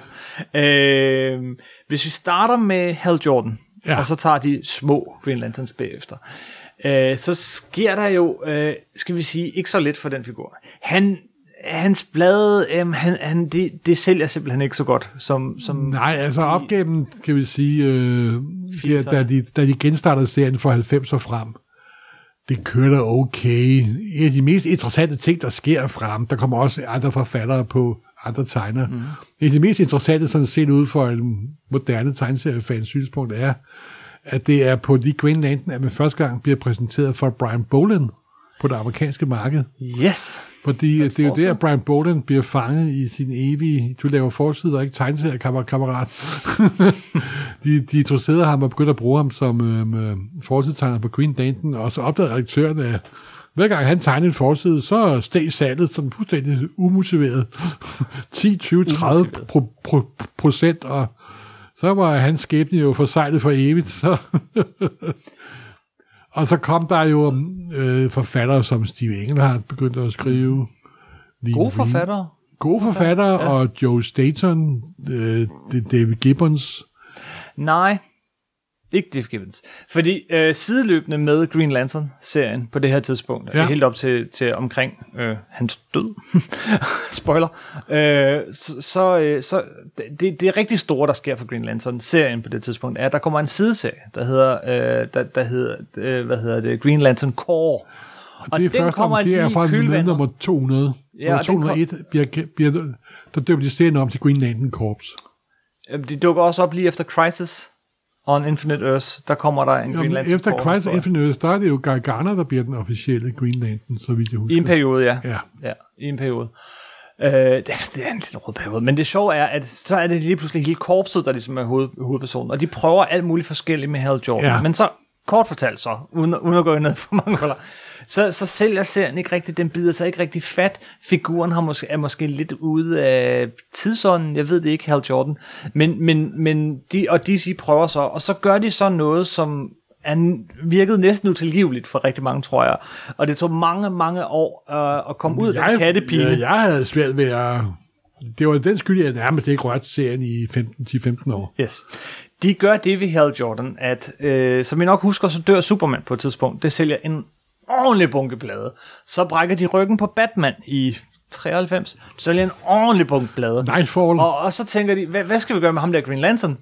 Vi gør ham til en superskurk. Vi tager en af de ældste, øh, ædleste, stærkeste figurer, vi overhovedet har i vores galleri, og så gør vi ham til en superskurk. Parallax. Parallax. Parallax. Som ender med at slå et hav Han, ikke et hav, han udrydder hele Green Lantern korpset med kraftbatteri og Guardians og hele. He Så der kun er én Guardians og en kraftring yes, tilbage. Yes. øh, og den øh, kraftring, den går så, øh, den går så til, øh, til Carl Rayner, som vi Ja. vender tilbage til lige om Så en lidt. stakkels tegneserietegner på, på hvis jorden. Vi, det, ja, ham vender vi tilbage til lige om lidt, men hvis vi lige skal gøre Hal Jordan færdig øh, for ny, så, øh, så er han altså skurk, og og forfærdelig skurk, ikke? Han og, er for eksempel, og, og, og de det, laver en lille miniserie efter Crisis Infinite Earth, der hedder, der hedder, um, hvad hedder den? Zero? Hvad hedder den? Zero Hour. Zero Hour, der ender med, at det er Hal Jordan, der er hovedskurken bag Zero Hour, ja. prøver at omforme hele universet Han prøver at genskabe hele universet. i sit billede, simpelthen. Yes. Uh, he's the bad guy. He's the bad guy. Uh, og, uh, og, og, og hvorfor er han blevet the bad guy? Og det er han, fordi at øh, da Superman han døde, så, øh, hvad hedder det, så blev han jo erstattet af fire forskellige Superman. Ja. En af dem var Cyborg Superman. Ja. Cyborg Superman, var øh, rigtig ondskabsfuld kæl. det var han, og i samarbejde med Mogul, den her ja. gule fjende, så, øh, så ødelægger de Coast Central- City. Coast City. Coast City, som Central er City, hans er metropolis, Flash. hans Gotham City, hans Central City, hans hjemby. Hele byen bliver udslettet, udslettet. og det Puff. driver, det driver så Hal Jordan til, til det her galskab. Fordi han vil have så meget magt, så han kan genskabe byen. Han samler alle ringene og ødelægger kraftbatteriet, og han går totalt berserk. Ja, ja, der er en herlig forside, øh, hvor han har et, et 10 ringe på og ser, Og ser vanvittigt sindssygt ud. Det, det, Det er en nummer fed 49. forside. Yes. og det er en fed forside. Det er en fed forside.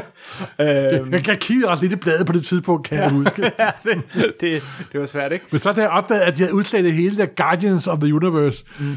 Så, blev, så kom der lidt fan-rage op i Hans Søndergaard. En følelse, jeg normalt aldrig har. prøvede og, og hvad siger man, øh, øh, redde ham, øh, øh, det, altså øh, gøre ham god igen ved, at han så på et tidspunkt Final Night. offrer sig i den serie, der hedder Final Night. Offrer sig, han redder for, han ja, ja, for Genstarter solen han simpelthen. genstarter solen, men stadigvæk, øh, Så går han jo gennem sin skærsilden. ja, Så laver de ham om til en anden kendt superhelt, nemlig. yes. De laver ham om til Spectra. som vi jo snakker om for nylig, ja. Øh, da vi snakker om, om Best Origins nogensinde. Men, øh, men Spectre, som, eller, og magiske figurer snakker vi om, øh, som en af dine yndlings. Øh, Ja. Og den, det er meget sjovt, det er en øh, periode i Spectras liv, hvor det er Jordan, der er sådan det imprint, som The Wrath of God bliver blandet sammen med Jordan og danner en ny Spectra. Og det kom efter den rigtig, rigtig gode periode, mm. hvor det var Ossitan og Mandrake, der havde lavet den. Den her udgave af J. skrevet af J.J. Michaels er også ganske udmærket. Den er bare anderledes. Den er mere sådan en slags forsøg på at lave, nu for at være helt ærlig, en superhelte Sandman-udgave, simpelthen. ikke? Ja. Og den er okay, og det lykkes måske lidt, og så stopper serien efter 24 numre, noget af den stil, som jeg husker. Men det var nu et meget sjovt for forsøg, og det var meget sjovt at sige, at Hal Jordan, slår, Hal Jordan er virkelig en mand, der har været omkring. Testpilot, forsikringsagent, superskurk, udsletter universet, genskaber solen og bliver ender som spektre. Ja. Og det er engang, hans karriere er engang halvvejs overstået endnu. Det er rigtigt. Så lad os lige pause den der, og så Ja. skrue tiden lidt tilbage. Fordi, som du sagde, da han udryddede alt det der, så var der én ring tilbage. Kun Ja. én ring. Og faktisk også kun én Guardian. Ja, simpelthen. det var tilf- tilfældigvis ham med langt hår. Det var meget 90'er. øhm, forfatteren på det tidspunkt hed Ron Mars. Og, øh, og han overtog så Green Lantern, og Carl Rayner kom til som den eneste grønne lygte. Uden den der svaghed over for gul. Fordi, øh, øh, og han havde... Øh, han var heller ikke nødvendigvis en mand uden frygt, eller øh, som, som det var oprindeligt. Det var faktisk lidt tilfældigt, siger de. Det viser sig selvfølgelig, at det ikke er helt rigtigt. Det er selvfølgelig en superhelte Øh, men ikke, det er skal finde på nogle plot. Den her tegner øh, får ringen. Og noget af det fede ved, ved Carl Rayner er, at han er, han er tegner, han er fantasi, han er meget yngre. Han er sådan lidt en... Øh, ja, sådan lidt... Han øh, prøver at ligne en, der er tættere på det, vi opfatter som vores standardlæser. Ja.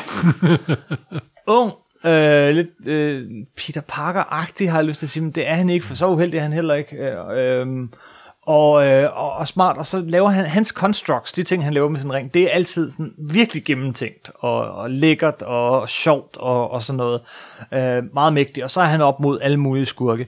Det er bestemt ikke en af de dårligste serier fra 90'erne, øh, men, men, det er en 90'er serie. men det er en 90'er Jeg har, ikke, jeg har ikke læst særlig mange af dem, hvor jeg er det i et, et rum. Det, Den, øh, ja, den, den kører der ud af.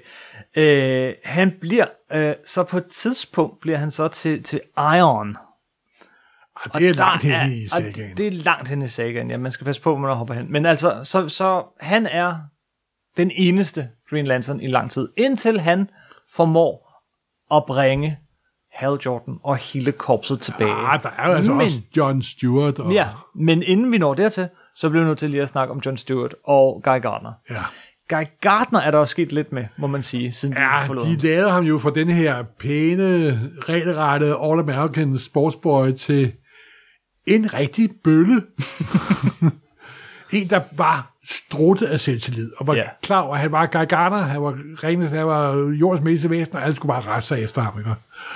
Og han er jo især kendt, da han blev medlem af den nye Justice League, der også startede efter Crisis.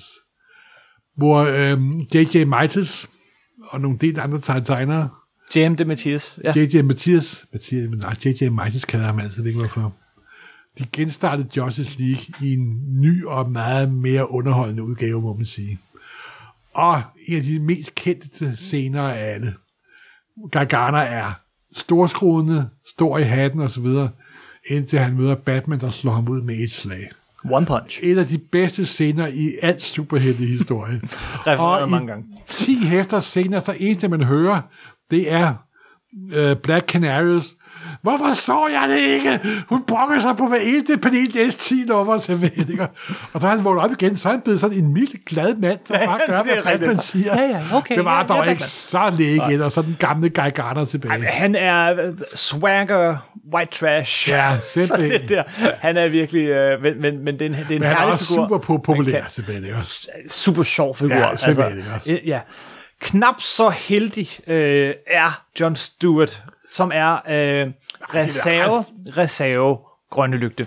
Øh, fordi det, det, på et tidspunkt her i 70'erne, så viser det sig, øh, der, der rører Guy Gardner i et koma.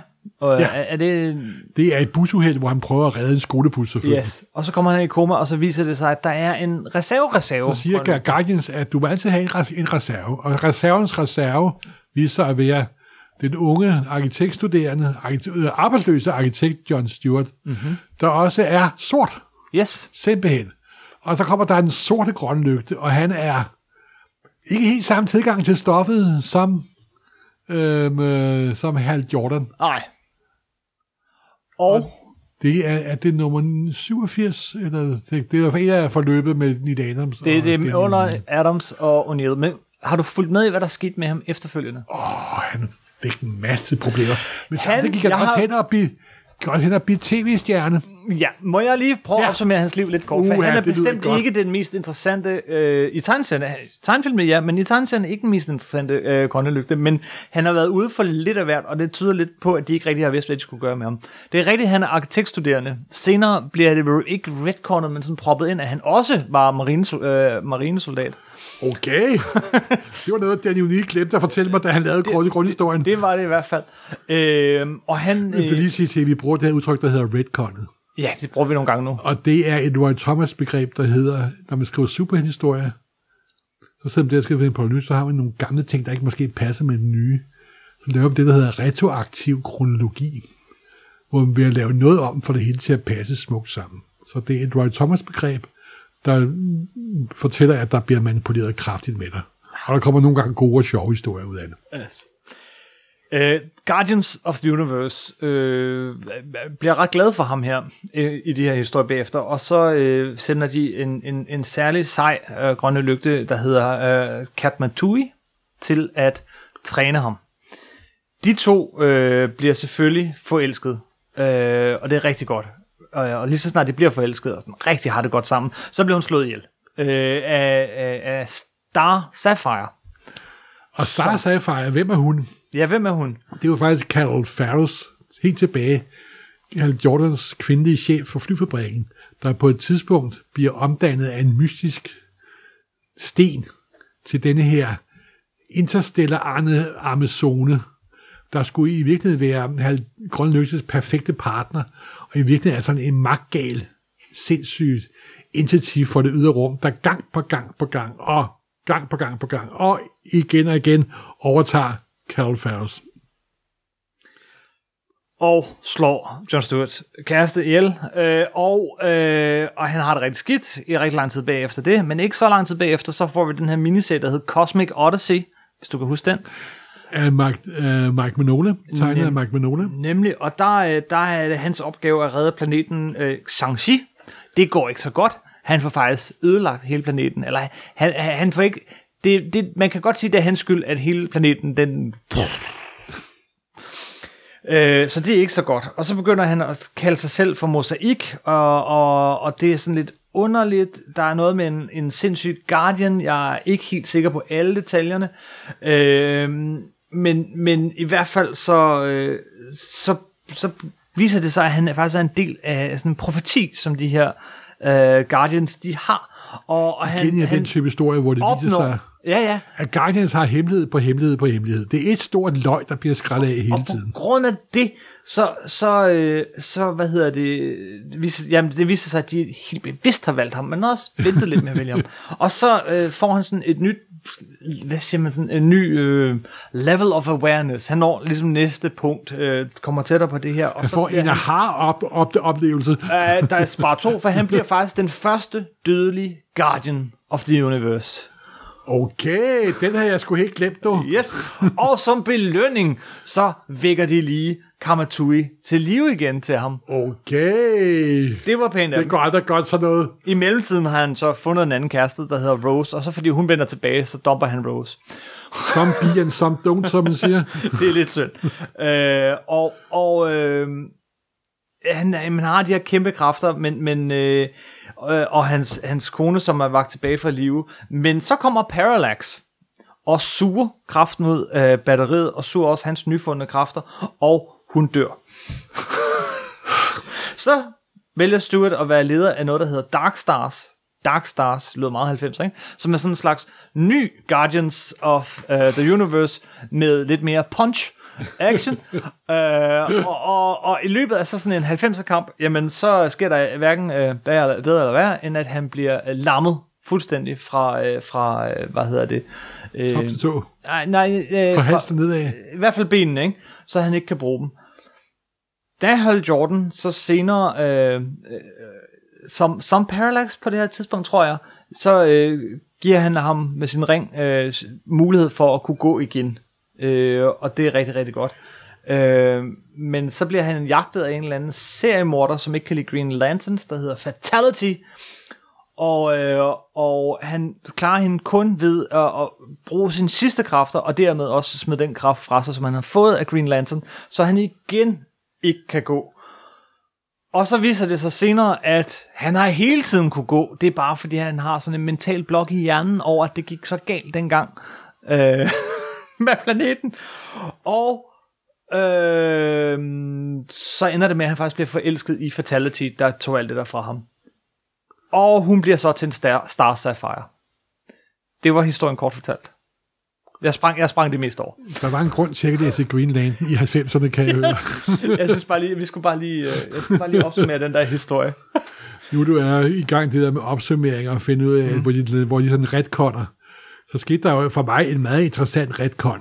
Det var jo, at under Golden Age forløbet, der havde de jo Alfred Best og Harry Cotton, de to fantastiske science fiction forfattere. Så på et tidspunkt satte de jo en af mine yndlings science fiction forfattere til at lave en ny udgave af Green Lantern, eller omfortælle, omstrukturere. Det var Larry Niven. Yes. Han er Mr. Ringworld, og jeg ved ikke hvad. Known, known, known Space, i mine øjne, en af de aller, aller største science fiction forfattere. Mm-hmm. Måske ikke litterær, men på det idémæssige plan, der er han uovertruffen. Og han så lavede sammen med John Byrne, en tegner, jeg engang holdt meget, meget af, der desværre ikke er helt så god, som han var engang. Men de lavede et hæste sammen, hvor de genfortalte hele, hvor kommer The Guardians fra, og hvorfor det var noget med at rejse tilbage i tiden og se starten på universet, og det blev forklaret på, hvad der i virkeligheden skete. Mm-hmm. At det, at da han rejser tilbage, da han ser tilbage i tiden, der kommer han til at så at sige, at binde enderne sammen på begyndelsen og slutningen af, af, af universet. Ups. Og få afkort det med milliarder og milliarder og milliarder og milliarder af år. Og det får de selvfølgelig alt sammen løst til sidst. Men samtidig får uh, Larry Niven og John Byrne også lige genfortalt, hvor The Guardians kommer fra, og hvem de er, og hvorfor de er, som de er. Så det er også en lille ting, der kom der i de mærkelige 90'ere. Ja, øh, Ja, hvor nåede vi til? Ja, John Stewart, øh, lille øh, ting, altså at til gengæld så er det jo så i, øh, i de her populære tegnefilm, der kom i kølvandet på Batman The Animated Series om Justice League og noget andet, der er det altid John Stewart, der er Green Lantern. Ja, der er ham, der er hoved Green Lantern simpelthen. Øh, og derfor tror jeg, at mange kender ham som Green Lantern, men i tegneserien har han altså ikke den mest globærdige historie. Nej, det, det er lidt op og ned. Men sådan er det, men du kan ikke både være tegneseriehelt og filmhelt samtidig. Nej. Det er kun Captain America, der, der kan sådan noget.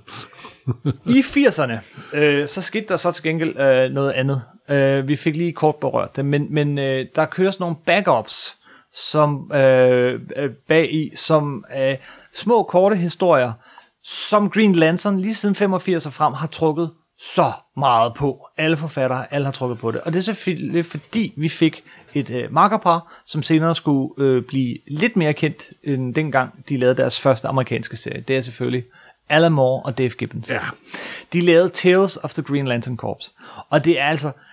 Vi snakkede faktisk kort om dem, da vi, øh, da vi øh, her under alt det her corona snakkede om korte historier, man lige kan læse. Men små korte historier, hvor at vi blandt andet bliver introduceret for Mogo, tror jeg, Mogu, som er en, vi snakker om underlige... Mogu Don't Socialize, så tror jeg historien hedder. Den hedder Mogo Don't Socialize. Øh, det viser sig, at Mogo er medlem af Green Lantern-korpset og en planet.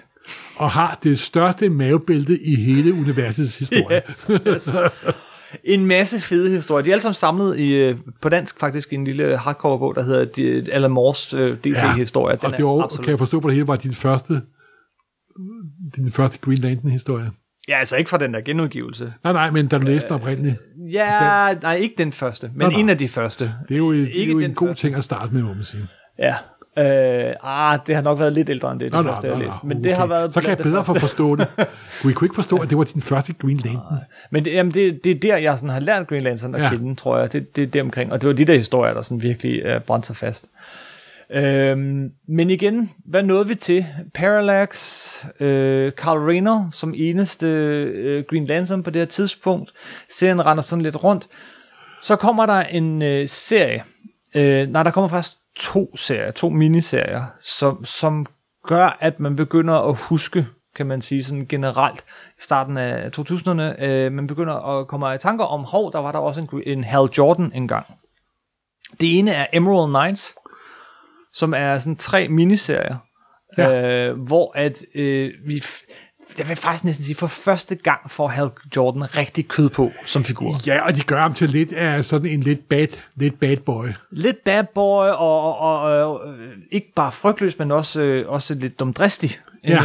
øh, som den her Og jægerpilot. den kan jeg huske, jeg læste gang og synes var ganske udmærket. Det er den også. og drømte om, at han ville vende tilbage en dag. Ja. Så en miniserie, hvor vi ligesom får genfortalt Hal Jordans historie, og den var faktisk rigtig god. Og nu Ja. har jeg selvfølgelig, lige, i- lige nu har jeg glemt øh, forfatterens navn. Øh, men, men, men den er faktisk ganske god. Øhm, øh, Gerard Jones og Jeps. Keith Giffen. Øh, øh, og den hed jo et uh, Emerald Dawn, og så kom der en Emerald Knights. Øh, det var sådan en helt lille serie. Øh, fra 91, tror jeg. Og der havde han Jordan været i fængsel og så videre, og så videre. Ja. Øh, virkelig en, øh, faktisk en rigtig god serie. Og, og så kort efter den, så kom en anden serie, som vi også får fremhævet et par gange her i Supersnak. Øh, øh, Final Frontier. Og det er den, igen i den får vi også øh, Hal Jordan øh, i samme stil som i det her Emerald Knights, Emerald Dawn og hvad det ellers hed, øh, præ- præsenteret som den her øh, cocky øh, øh, En, der nogle gange øh, handler, før han tænker. Mm. Og det var efter sine især sidstnævnte, der gjorde, at øh, DC begyndte at tænke, måske skulle vi bringe Hal Jordan tilbage. Men det var ikke helt nemt, fordi øh, for det første, så var han Spectre lige nu. For det andet, øh, ja, han havde reddet solen, men han, han havde godt nok gjort nogle ret forfærdelige ting. Ja. Og hvad gør man så? Det er slet ikke hans skyld alligevel. Det er nemlig det. Og det er et trick, der altid røv irriterer mig, hver gang det bliver brugt. Ja. Grunden til, at han gjorde det, var fordi, han slet ikke gjorde det, men det var en anden, en, der fik ham til at gøre det, eller fik hende til at gøre det. Og i det her tilfælde, der kom der en 6-nummers miniserie, Rebirth, skrevet af, af, af, Jeff, af, Jeff Johns. af Jeff Johns, og den var ganske udmærket. Det var god. Og det viser selvfølgelig, at i tidernes morgen mm. var der en ond dæmon. Nærmest selve ondskaben havde taget bolig i det her centrale kraftbatteri. Og det var grunden til, Det var grunden til, at der var den fejl med, at de ikke kunne tåle gult. for uh, det her væsen hed Parallax. Parallax og havde overtaget via Sinistros hjælp og alt muligt andet, fik et fang, at vi skal komme nærmere ind på havde overtaget Hal Jordan. Jordan. Så det var slet Slet ikke Hal Jordan. det var slet ikke Hal Jordan. Nej. Og det er selvfølgelig et kæmpe cop-out. Mm-hmm. Men det bevirker, at jeg fik min Hal Jordan tilbage, så jeg vandt at se gennem fingre med det. Ja, den er meget sjov, den der Rebirth. Den blev en bravende succes, øh, og det er sjovt, Jeff Johns, øh, han var i gang med at lave Justice League of America. Han havde lavet Avengers. Han var en ret populær forfatter, men det var her, han virkelig brød igennem, vil jeg sige. Ja, og det bevirkede faktisk, at det hele Green Lantern-universet blev genskabt. Men, men det er nemlig det, for han blev spurgt, han blev direkte spurgt, kunne du tænke dig at bringe Hal Jordan tilbage? Hvor han sagde, ja, men kun på en betingelse. Hvis jeg må bringe Guardians tilbage, uh, Green Lantern Corps, uh, hele pivetøjet. hele pivetøjet. Han, fordi Hele, han sagde, lege, hele science fiction legetøjskassen. Nemlig fordi Green Lantern er ikke Green Lantern, det er ikke Hal Jordan. Green Lantern er ideen, korpset, det her kæmpe univers. Det er det, der er så fedt. Og han bringer det hele tilbage i løbet af den der lille miniserie. Ja. Og han gør det, øh, i serien gør han det ved hjælp af Carl Ratners hjælp. Nå ja, han offer sig jo. Og han er, han, og han overlever skam, og han, han går fra at være den eneste Green Lantern til bare at være en Green Lantern i en periode. i en periode. Øh, og Ron Mars, som har skrevet den her serie op igennem 90'erne, øh, vi sprang selvfølgelig den her berømte periode over, hvor... Øh, nå, de, de fleste, når de tænker Ron Mars, øh, Green Lantern 90'erne, så tænker de på en episode, hvor øh, øh, Carl Rayner kommer hjem, og så opdager han sin kæreste øh, foldet sammen som inde i hans køleskab. Og hele den der affære er ligesom blevet symbol for den måde, kvinder er blevet behandlet i tegneserier i en, i en, i en periode. Øh, så så uh, Girl in the Refrigerator, ja, det er også fra Green Lantern, men det er fra den dårlige Green Lantern-periode, fra uh, reserve, reserve, reserve, reserve Green Lantern. Ja. Undskyld, det var et sidespor, men man bliver nødt til at nævne det. Selvfølgelig, selvfølgelig, selvfølgelig. Og det var for øvrigt også starten, hvor vi kommer ind på en anden podcast, på en udmærket karriere for en kvindelig forfatter, en kvindelig tegneserieforfatterinde. Det var det, Gail Simone. Gilsmore, netop. Gail Simone. Øh, Simone. ja, Ja, hvorfor jeg altid kaldt hende mor? Det, det ved jeg ikke. ja, det, Der er ikke meget mor over hende. Jeg, jeg vil lige sige en ting. Der er en ting, jeg altid har problemer med. Hvis du ikke har lavet en film, eller lavet en, eller noget andet, så er jeg altid svært ved at huske, hvad, folk hedder. Jeg kalder dem altid mystiske ting, simpelthen. Yes, yes. Det skal I bare ignorere, simpelthen. Det, det tror jeg, folk er vant til. Godt, tak. Simon, øh, og jeg bliver også nogle gange forvirret. Ja. Øh, Fordi hun var nemlig en fan, der brokkede sig over det nemlig, og skrev Ja. En meget berømt artikel, mm-hmm. Girl in the Refrigerator, der faktisk satte gang i en helt masse positive ting. Nemlig, og hun har gjort meget og skrevet nogle fantastisk gode serier. Simpelthen. De her ting. Men det var øh, Jeff Johns, der skrev Green Lantern, og den blev rigtig populær og fik lynhurtigt en sideserie, som er skrevet af Dave Gibbons. Ja, Øh, hmm, den er ikke fantastisk, jeg skal Nej, men han fik helt men... skabt sådan et hjørne af DC-universet, der kun var Green Lantern. Ja, Der kom hovedserien, og der kom en øh, masse sideserier, men det bliver sådan helt lille... Lidt ligesom X-Men er en del af sådan en underafdeling af Marvel-universet, hvor Ja. der foregår en masse X-Men ting, der sådan set kun har noget at gøre med andre X-Men ting. Så lykkedes det Johns og Company, især Company, at skabe sådan en helt underafdeling af hele grønne lygte, og, og det begyndte også at bruge sådan en grafisk stil, som jeg vil kalde widescreen fag, fag, Yes. fagladet space opera. det er jo rigtig meget Ivan Rice og Phil Gymnast og, og nogle af de her andre folk, som er på serien, som, som er, hvad siger det, som er hovedattraktionen ja. langt ad vejen. Og, det, og når jeg ser dem så bladet igennem, så kan jeg sgu ikke kende forskel på dem. Ej, det er også svært. Fordi de er også faglagt på samme måde. Ja. Det er, Farvelæggeren får betydning. det for er super farvestrålet, det er widescreen, det er splash på splash på splash, det er rumbattle med grønne stråler, og jeg elsker det selv. Jeg har stort set ikke lavet andet i underholdningsøje med, end at læse Jeff Johns Green Lantern de, de sidste to uger. Jeg, jeg læste seks numre i morges, inden jeg spiste morgenmad. Jeg har været fuldstændig opslugt, men den er virkelig værd at genbesøge På den bordet foran, der er der et komplet run i hæfter af John Johns univers. Ja, det er svært at se dig, Morten, over bunken. Han skrev serien i ni fede år. Ja. Øh, med skiftende tegner, men de her to var der, var der dog allermest, tror jeg. Og det de gør, er, at, at øh, altså, de tegner på sådan en måde, hvor at hver, øh, hver Green Lantern får sin sådan, sådan aura nærmest, og, og sin måde at projektere ringen, og, og de bliver meget forskellige. Altså, det bliver, de, de har stadig ens uniform, men de, ser, de bliver mere og mere forskellige, fordi den måde, de tænker deres fantasi og sådan noget, får langt større betydning. Det er faktisk øh, rent visuelt, sker der en hel masse der, som er rigtig fedt. De, det, det, det bliver virkelig også sådan en pointe, at, øh, at universet af grønne lygter er så stort, og der er så mange. Og de kan faktisk fordobler virkelig- antallet af grønne lygter bare med et slag. Ja, hver sektor får nu to grønne Yes, lygter. det var sådan. Så der, ud med et slag er der nu syv, minimum, minimum 7.200 grønne ly- lygter. Ja, og så skulle man tro, det var nok. Men Nej, nej, nej, nej, nej, nej, nej. For så kommer, øh, hvad er vi, nogle, nogle af 20 numre inden, øh, tror jeg, øh, den, den, den første virkelig store og virkelig fede begivenhed i, øh, i Jeff Johns øh, run på serien, nemlig The Sinestro Corps Ja. War. Og det er jo Sinestro, der skaber sit eget korps Af gule lygter. af gule lygter, og der er det ikke viljestyrken, den grønne, positive viljestyrke, der er grundmotoren, den emotionelle motor i korpset. Det er frygt. Ja, Det er, og hvis der er noget, den mand kan, så er det at skabe frygt. og der kommer et utal af medlemmer. Jeg har en helt guide, jeg- altså, ja, hvor det er frygten, der driver energien i ringen. simpelthen. Yes, og, og, og han får et, øh, ikke et gule lygtekorps, men et Sinestro-korps. Sinestro-korps, selvfølgelig er det ja. det, Sinestro vil, vil kalde sit korps. Øh, og, og, og Parallax er selvfølgelig også en, en del af alt det her. Øh, og så får de selvfølgelig også deres egen id, som jeg lige har med.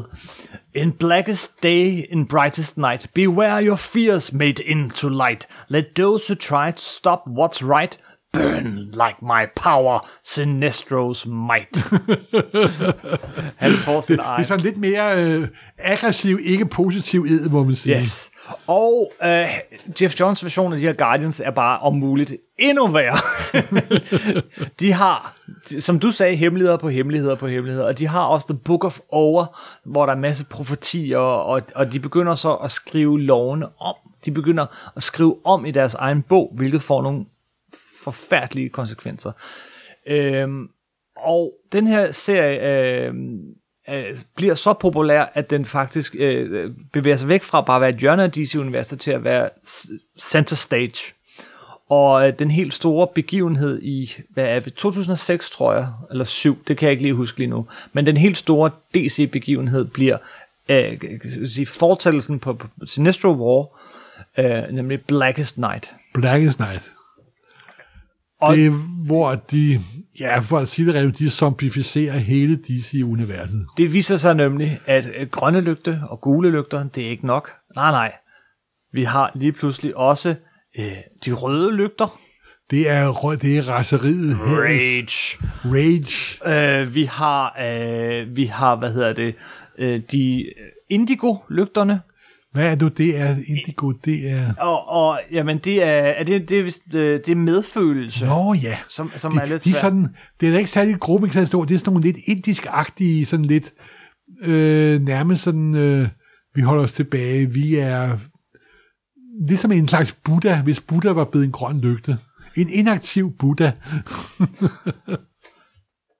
Og så, øh, så vender Star Sapphire tilbage, altså Ferris. Hun bliver en del af Star Sapphire korpset, som også kan kaldes for de lilla lygter. Gud, dem har jeg helt glemt simpelthen. Ja, der er vel syv, otte Nej, stykker i det hele. violette, lilla, violet, øh, som er kærlighed. Følelsen er selvfølgelig kærlighed. Øhm, og hvad har vi glemt? Øh, orange er øh, med, med avarice hedder det på engelsk. Øh, øh, misundelse, trangen til noget, hvad skal Og du det er vist kun én. Det er vist korps, der kun består af én person. Nemlig, fordi Det er min, den største min, min, superkapitalist i hele galaksen. Åh oh, ja, som i øvrigt øh, vender til, øh, bor på jorden på et tidspunkt, og Ja. ja. er helt optaget af at finde ham der julemanden. For Det deroppe. lyder Jeg har et helt julehæfte med ham, faktisk. Øh, Øh, Lafraire's, laissez-faire, lad, ja, noget af den stil. fordi og, laissez-faire kapitalisme er der, hvor fuldstændig kræfterne får frit spil og ikke tænker på konsekvenserne. nemlig. og så kommer der blå, som er håb. Nå ja, Og, de er sådan hinduagtige, så vidt jeg husker. ja, det er sådan og, lidt indisk hinduagtigt. Ja, altså et Rage-korpset er ret fedt. Øh, Der, der skal man vist dø for at blive medlem, så vidt jeg husker, noget af den stil. det skal man med de sorte i hvert fald. øh, de sorte er død. Fordi, og, og alle, der er døde, er medlem af korpset automatisk. Yes. Og det er så historien i uh, Blackest Night, hvor, at, uh, hvor vi har alle de her korps, de, uh, de går sammen og, om at bekæmpe uh, The Blackest Night, som er profeteret lige siden. Det er jo en gammel, gammel. Silver Age-figur, der Ja. dukker op igen, så vidt jeg husker. Uh, han har noget at gøre med det. Du tænker på Black Hand, Ja. uh, som, som dukker op og bliver en del af historien og sådan noget, men, men, men det, er ikke, det er ikke så meget det. Det er, det er mere, at det her, jamen det, det er zombier lige pludselig, ikke? Men det er sådan en meget sjov idé med, at det er alle de døde, der vender tilbage. Øh, øh, og men øh, alle, så på det her tidspunkt er Batman død, og en hel masse. Øh, Aquaman er død. Øh, alle de her superhelte, som er døde, de vender tilbage. Alle man har en, sådan følelsesmæssig re, øh, relation til. Der er en scene, hvor øh, Lex Luthor bliver overfaldet af alle de mange døde, han har slået ihjel. Men derudover, så, vækker den, og, så overtager den også dem, som er genopstået fra de døde. Superman er jo genopstået fra de Åh, døde. ja, ja, ja. Øh, Hawkman, mm, et par gange. Altså, ingen superheld, med, der er ved at sige salt, er jo, ikke, er jo død mindst én gang. Wonder Woman. Alle de mægtigste bliver til Black Lanterns. Øh, faktisk, altså det her er nok den mest populære Green Lantern begivenhed. Jeg bryder mig ikke så meget om den, men jeg, jeg er nok fordi, jeg synes, zombier er ulækre. Det, jeg tror, det var også var lidt forsøg på, fordi Marvel havde nogle stykke tid foran haft stor succes med deres Marvel Zombies. ja, ja, Så nu zombificerede de hele DC-universet. det er det. Og, øh, og hvordan skal man toppe det? Jamen det gør man selvfølgelig ved at tage alle de her korps, og så vende dem mod hinanden. Øh, så vi får, øh, vi, vi får Green Lantern War, som er den tredje store begivenhed. Der dukker også ikke noget med Alpha Lanterns, der også dukker op, og The First Lanterns. Og Jo, jo, og, og, og Carl Rayner bliver til Iron på et tidspunkt, som er sådan super, super, super, super mægtig øh, grønne lygte, altså mere end alle de andre. Det viser sig nemlig, at Parallax var ikke det eneste dyr i åbenbaringen. Det var ikke det eneste, øh, den her personificering af frygt, som var et væsen, som kunne overtage. Nej, der var også Iron, som, som ligesom var det grønne, som var øh, den grønne lygtes avatar, eller hvad du kalde det, som overtager Carl Rayner og sender en anden figur, som er fra en Alan Moore-historie og bla bla bla. Men alle farverne øh, har hver, hver deres korps det emotionelle spektrum. i det emotionelle spektrum, plus de har hver deres dyr og sådan noget. Du kan godt høre, den vokser lidt, den her historie. altså, som sagt, det er ligesom nogle gange, når du er redaktør for X-Men hos Marvel, der går tre år, pludselig har du 28 serier, du ikke aner, hvor kommer fra, simpelthen. Yes. Og, øh, og det, noget af det sjove er, at den er, den, den, den er super populær. Så da DC øh, rebooter øh, hele deres... Øh, I 52. Så Ja. ja. er to serier, der næsten ikke sker noget mere. på en måde ødelægger det hele. De, de starter alt forfra. Superman, Action Comics med nummer 1. Alting starter de forfra. Her Men to serier. Batman og Green Lantern. Ja, fordi det er de to serier, der solgte nemlig. Og det var faktisk derfor, jeg sad og læste 6 efter i morges. Det var fordi, at der var lige noget til rebooten. Ah. Og jeg skulle se, om jeg egentlig huskede rigtigt. Intet ændrer sig. Nej, intet. Historien fortsætter ja. Fuldstændig som den var. Og det er dobbelt mærkeligt, fordi at Jeff Jones var satsat med højt på strået hos DC, og han skrev Justice League, altså rebootet, ja. Som ligesom var hovedsagen i 52. Om nogen har han vidst, Hvor Batman og Green Lantern møder hinanden første gang. Sådan igen, igen, ja, igen. nu starter vi alting forfra. Det var hele ideen, men ikke Green Lantern. Det Jeg har en historie, hvor dårligt forberedt 52 var. jeg har en historie, og fortæller den færdig. Nej, og så skriver han den cirka 20 numre inde i New 52, og det er alle sammen godt. Øh, den kører lidt, øh, altså den kører meget det her med det emotionelle spektrum og alt sådan noget. Og slutter af med et, et kæmpe brag, simpelthen. Kæmpe brag, hvor at der bliver introduceret endnu flere Green Lanterns, øh, som vi selvfølgelig også skal nævne, tror jeg. Altså, man kan jo, hvis man læser alle de her blade ud i en kører, så får man vist det, der hedder åndelig forstoppelse. Ja, men jeg er ved at være skør. Og det er jo også, som jeg sagde før, det er superheltegenrens svar på en fuldstændig derudaf space opera, simpelthen. Ja. Med det ene galaktiske imperie efter det andet, og tingene er større end stort hver gang, og det bliver med plus ekstra maskekraft, og Større end stort, jeg siger det, men, og det er også i tegningerne. Det er Ja. nemlig det hele. Det her, det er bare pow, pow, pow, og, og, og, og nogle gange, så du, det, det handler om simpelthen, det er en af de der serier, hvor det handler om, at når du bladrer siden, så, så, så du glæder dig til at se, fordi når jeg bladrer, så lige pludselig, så er der en eksplosion, så er der, så er der 4.000 grønne lygter tegnet ind. altså det, det sidste sådan John noget. Jones nummer, der er, vist, der er nogle sider, der folder ud, så det bliver endnu større, og, og hvis man er til det, og den, så er det pisse sjovt og underholdende. Super underholdende. Det er ikke den superheltegenrens finest hour, men det er knæende underholdende, og jeg elsker det højt. Yes. Til sidst øh, i Jeff Johns øh, run, så bliver der introduceret nogle nye Green Lanterns. Der bliver introduceret øh, Simon Bass, som er af øh, muslimsk oprindelse, og, og jeg har ikke læst så meget af det, men, men, øh, men han er også øh, han bliver træner for øh, Jessica Cruz, som i den grad er et billede på det her med at overvinde frygt. Hun er den første kvindelige grønne lygte. Øh, ah, det, det, som- det er jo nu ikke, men på, fra jorden. Ja, fra fra jorden. jorden. Der er utallige kvindelige grønne lygter, men fra jorden. Øh, og hun er ret interessant i det, at hun lider af angst, og har virkelig svært ved sådan at stå op om morgenen. Hun har det virkelig, virkelig skidt, øh, og hun overvinder frygt hver dag. Så det er et sjovt billede på det der. Det er ikke, at du ikke har frygt, men at du kan overvinde frygt. netop. Og det, også, og det er sådan cirka det, at serien er i dag. Den lider lidt af, øh, efter Jeff Jones, tror jeg, at Der er sket to positive ting siden Jeff Jones dog. Okay, må jeg starte med det negative ja. Så? Så kan du sige det positive. Det negative er, at markedet er lidt oversvømmet. Der er så mange Green Lantern-serier. Jeg tror, der er en om ugen, og det er svært. Der er ikke en af dem, der ligesom er hovedserien. Øh, så du har en Green Lantern Corps, så har du den her grønne lygte, og den her grønne lygte, og den her grønne lygte. Øh, alle mulige grønne lygter, øh, grønne lygtekorps. Og der er ikke rigtig en samlet historie, og det, det, det, det er for meget. Det er Jamen, en det har virkelig fed fuldstændig ret i. De men- burde have stoppet serien med John Jones, men det man stopper ikke noget, der tjener penge. Jo. Nej, nej, men eller fortsat med en god serie, eller sådan, men den, den De har... prøvede jo også for eksempel, der var et forsøg efter John Jones, hvor de prøvede på at redesigne Jack Kirby's New Gods. Det er også i uh, og Green det slap Lantern. de ikke godt fra, Det og det skal man rigtigt. bare ignorere. Og det er, hvad DC selv valgte at gøre Det er godt. for ganske kort tid. Nej, de to positive ting, der er sket her, i også op til og før, efter og under coronakrisen, det er, at de satte Grant Morrison til at Ja, øh, måske sådan lidt halv-reboote Green Lantern, så dog alligevel lave sin version af det. sin Hal Jordan, fordi ja, de andre serier kører nu. Øh, det er en serie, som... Den er ikke færdig lige nu, den er færdig, mm, måske færdig, når det her podcast udkommer, så den er lige på nippet. Øh, der er to sæsoner, der er øh, 20 numre eller sådan noget, alt i alt bliver der. Øh, det er Graham Morrison, som jo er den gale skotte, som vi har snakket om mange gange. Ikke? Øh, og og han griber virkelig fat i det her med de tossede idéer, altså langt ud aliens, en, en, en virus, en levende virus, som vi hørte om, det er vist en, eller en moridé, tror jeg, øh, krystalvæsenet fra de første. Øh, alle de her, der er mange af hans idéer, som er sådan virkelig, virkelig tilbagevendende til, til Silver Age, det tidligste Silver Age.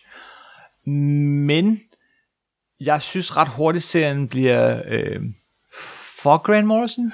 Jeg vil sige, at man kan se, at han prøver at gentage succesen og trickset, som han lavede med All-Star Superman, mm. og delvis også med Batman.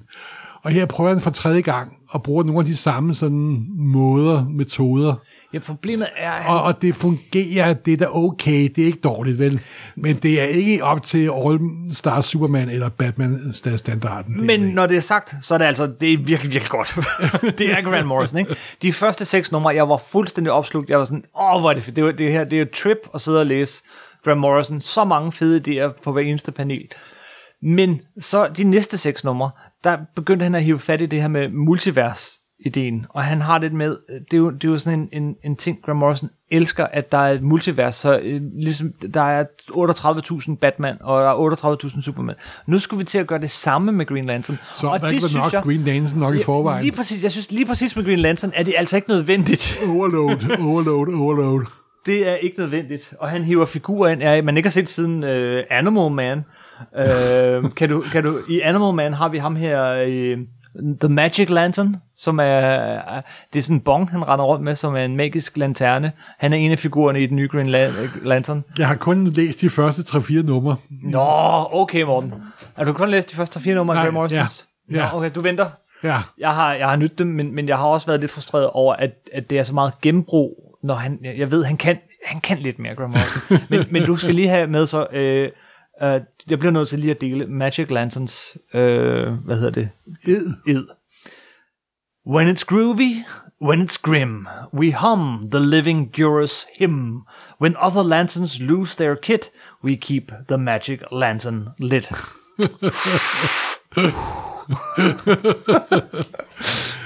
en af de allernyeste forsøg på at lave en, en, en, et take på, på Green Lantern, det er sådan en graphic novel, som også er værd lige at anbefale, som hedder Green Lantern Legacy, som handler om en uh, helt ung uh, grønne lygte med vietnamesiske rødder. Ah. Den er skrevet af Ming Li og, og, og tegnet af Andy Chong. Du kender den også. Ja, jeg har læst sådan en lille grundhistorie, hvor hun sådan starter sin træning, bliver smidt hovedkult ud i det, og har vist nok haft en ret sej bedstemor, der har været grønne lygte før hende. Ja. Så hun har, det kan sige, hun har noget at leve op til. Mm-hmm. Det, det er jo så noget af det allernyeste. Øh, vi sagde her nogenlunde i starten af podcastet, der, der kom jeg til at starte på noget, du stoppede mig. Øh, før der var noget, der hed grønne lygter. Ja, før Hvis Guardians spurgte... of the Universe besluttede, at nu havde de slippet ondskaben løs i universet. Vi startede et politikkorps, og før de rejste universet tyndt for at finde værdige bærer af de grønne ringe, eller hvad det var. Så var der et så første forsøg. Vi bygger sgu selv et korps. Så vi bygger nogle robotter. Ja. Super intelligente robotter, der får grønne lygte magt og kan rejse rundt og styre universet. Men så det jo altid går den slags historier, den slags Frankenstein-agtige myter, så gik de robotter, de gik jo hen og blev selvstændigt tænkende og overtog og prøvede at overtage magten, og de blev til The Manhunters. Og øh, lagde en hel sektor fuldstændig øde. Simpelthen. Og det var en historie, der allerførste gang dukkede op, ikke i grønne lygte historie faktisk, men da den kendte Marvel-forfatter Steve Engelhardt forlod Marvel og gik over til DC. Ja. I Justice League of America dukkede de op første gang de her Manhunter, sådan nogle store røde robotter med sådan nogle metalmasker.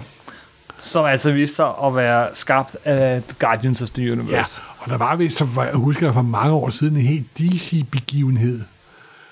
Var det ikke Millennium, den hed? Jo. Hvor det viste sig, at næsten alle kendte DC-figurer havde en anden af deres nære venner, kollegaer, at der var en Manhunter-robot i virkeligheden. og DC har haft mange tåbelige begivenheder gennem årene, men det var bestemt en af de mest tåbe, tåbelige af alle. Lander Lane er en robot, der har eksisteret på jorden i 5.000 år, og det var du slet ikke klar over. Øh, nej. og nu du snakker om retcons, øh, så viser det sig så, at den her oprindelige her, som Guardian skaber, fordi ham her Krona, han, han får bragt ondskab ind i verden ved at observere universets opståen, øh, så, skaber, så laver de de her robotter. Øh, robotterne fejler, og så laver de grønne lygtekorps i stedet for. Men grunden til, at de fejler, også Krona. Det er nemlig en retcon. I, øh, I Jeff Jones historie viser det sig, at Krona han har været inde og pille ved dem. Så for at statuere et eksempel, fordi noget han ikke bryder sig om, noget der skiller ham ad fra de andre Guardians, det er, at han har følelser, og de undertrykker følelser. Det er nemlig sådan en stor ironi i Grand Lantern, som vi aldrig rigtig har fået snakket så meget om, er, at de her gamle øh, kloge mænd, der ligesom styrer det hele, og er lidt fascistoide, og, og alle de her ting er blevet onde, de undertrykker deres følelser, som Vulcans fra Star Trek, de undertrykker deres følelser, hvilket jo er så ironisk, når hele deres magt, hele den, den styrke, de har, er baseret på følelser på, øh, på mod, på frygt, og også alle, alle de andre aspekter af lyset og sådan noget. Så der er også, helt, der er også lige den del Ah. af Green Lantern-mytologien. Der var ikke altså op nogle kvindelige Guardians på et tidspunkt, der, der kommer... I, en enkelt, tror jeg. Nej, men jeg tror, i moderne udgave, der er der flere kvindelige Guardians, så vidt jeg husker. Men det er nok noget af det helt nye til, til, til tilføjelser. Ja, Som sagt, hvis du har været Guardians, så er der sådan en rolig stabilitet i 3 milliarder år, og så får du kontakt med jorden. og så Og så går det hele bare af helvede til tilbage. brrr, det hele går i stykker. Lektie, hold dig fra jorden. Yes. Men så er der jo den sådan sidste positive ting, vil jeg vil sige. Det er, at der har i forvejen været to Hugo-vinder, der har skrevet Green Lantern, altså bedst tilbage i, i 50'erne. Larry Niven sammen med John Byrne. Og den tredje Hugo-vinder, N.K. Ja, Yamarsin, Jemisin, Jeg ved det faktisk. Uh, NK uh, ja, Jemison. det, det kan jeg heller ikke udtale. Hun har skrevet en fantastisk trilogi om en jord milliarder år ude i fremtiden. Og så satte de hende til at skrive en øh, ny Green Lantern-serie, der hed Far Sektor. Mm-hmm. En sektor så langt borte, så de knap nok har hørt om Green Lantern. Og i modsætning til mange andre øh, kendte prosaforfattere, der får lov til at skrive tegneserier, så det skal de sådan lidt famlende i starten, men ikke hende. Hun har skrevet de første øh, syv numre af den her Far Sektor. Det er desværre ikke slut endnu, på grund af corona, at den er blevet udskudt. Og de har været virkelig gode. Det handler om den her grønne lygte, der bor langt, langt, langt, langt borte fra alle andre grønne lygter. Ja. Og hun bor i en by på en planet, hvor der er 20 milliarder indbyggere. Og bruger de her 20 milliarder indbyggere, så er de alle sammen på stoffer for at dæmpe deres følelser, så de ikke kommer op og skændes hele tiden osv. osv. Men øh, summa summarum er, at det er for mig en af de mest positive ting, der er sket med grønne lygtemytologien, det er hendes øh, serie, der hedder Fars Sektor. Og når den her om et halvt års tid kommer samlet udgave, vil jeg på det varmeste anbefale den simpelthen.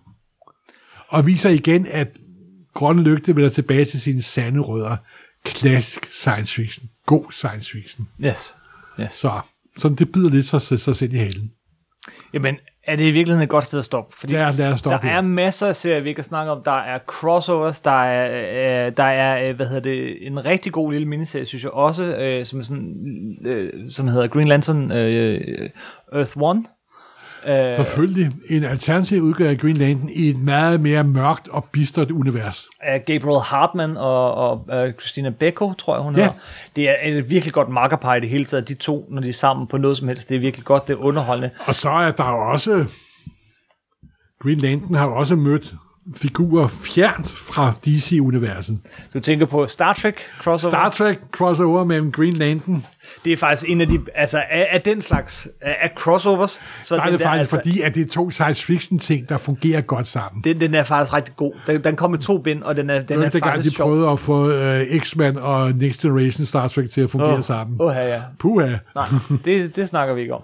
Øh, og ja, men der er mange gode små serier og sådan noget. Der faktisk har uh, Green Lantern, dengang at Marvel og DC arbejdede sammen, de, han har også mødt Silver Surfer. Det er rigtigt. Jeg kan huske, at det blad kom, der, der stod og ekspederede ned fantastisk, som nogle af vores lytter måske er klar over. Nogle gange går der en djævel i mig. Så jeg tilbragt en hel uge med at bitte alle mine kunder ind. At det var starten på en meget interessant deal med Marvel og DC, hvor de byttede figurer. At der skulle Green Lantern nu være en del af Marvel-universet, og Silver Surfer skulle over i DC Det- det bildte du dine kunder ind. Det stod jeg en helt uge og underholdt alle ku- kunder med. Bare sådan for at få tid til at gå. Og jeg vil nu sige ofte et undskyld, hvis jeg har bildt nogen Jeg det synes, ind. det var da meget modbydeligt, Morten. Det, Ja. det, det, det, det, det lyder da ikke som dig. Sådan er jeg en gang imellem. Skelet derud af skabet. Ja, og, og altså, pff, 80 år. Figuren har været der i 80 år. Ja. Der er et hav af rigtig gode serier, men jeg tror, det er ret tydeligt, at skulle vi anbefale noget, så er det de, de, aller, de aller, nogle af de første, måske ikke de aller, aller første, men nogle af de første øh, Gold, øh, Silver Age historier Ja. af, af Jill Kane. Og så er det selvfølgelig, øh, hvad hedder det, øh, de, de der 14 numre, som Denny O'Neill og øh, Neil Adams fik lavet sammen. Og så tror jeg, man skal hoppe hele vejen op til øh, det her fantastiske run, som Jeff Johns har på serien. Ja. Man kan starte med Rebirth, eller man kan, jeg vil faktisk sige, den, den, bliver, den bliver bedre og bedre og bedre, så jeg vil sige, start med Sinestro War, hvis Ja, man der, ikke der, har mod på at den rigtig i gang. Der sparker den rigtig i gang, så det er sådan cirka 20-30 nummer inden, men den er virkelig god. Øhm, og, så, øh, og så den her, du nævner nu, den helt nye serie. Ja, Hvad, den hedder Far Far. Sector. Far Sector. Og en lille advarsel. Lad være med at se filmen. Jeg sad lige og tænkte på, skal jeg nævne filmen, eller skal jeg ikke? Ej, lad os nu nævne uh, Elephant in the Room. The Elephant in the Room. Okay, filmen.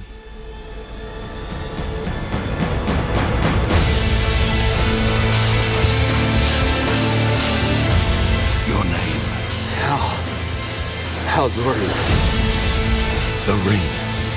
It chose you. Use its power to defend our universe. Become one of us. Become a Green Lantern. The ring said it was a great responsibility. Responsibility? You? Let's hope so. Anything I see in my mind, I can create.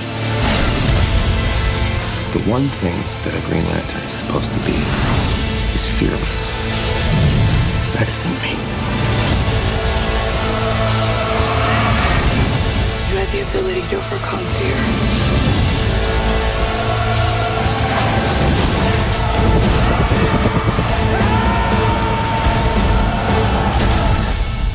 Wow.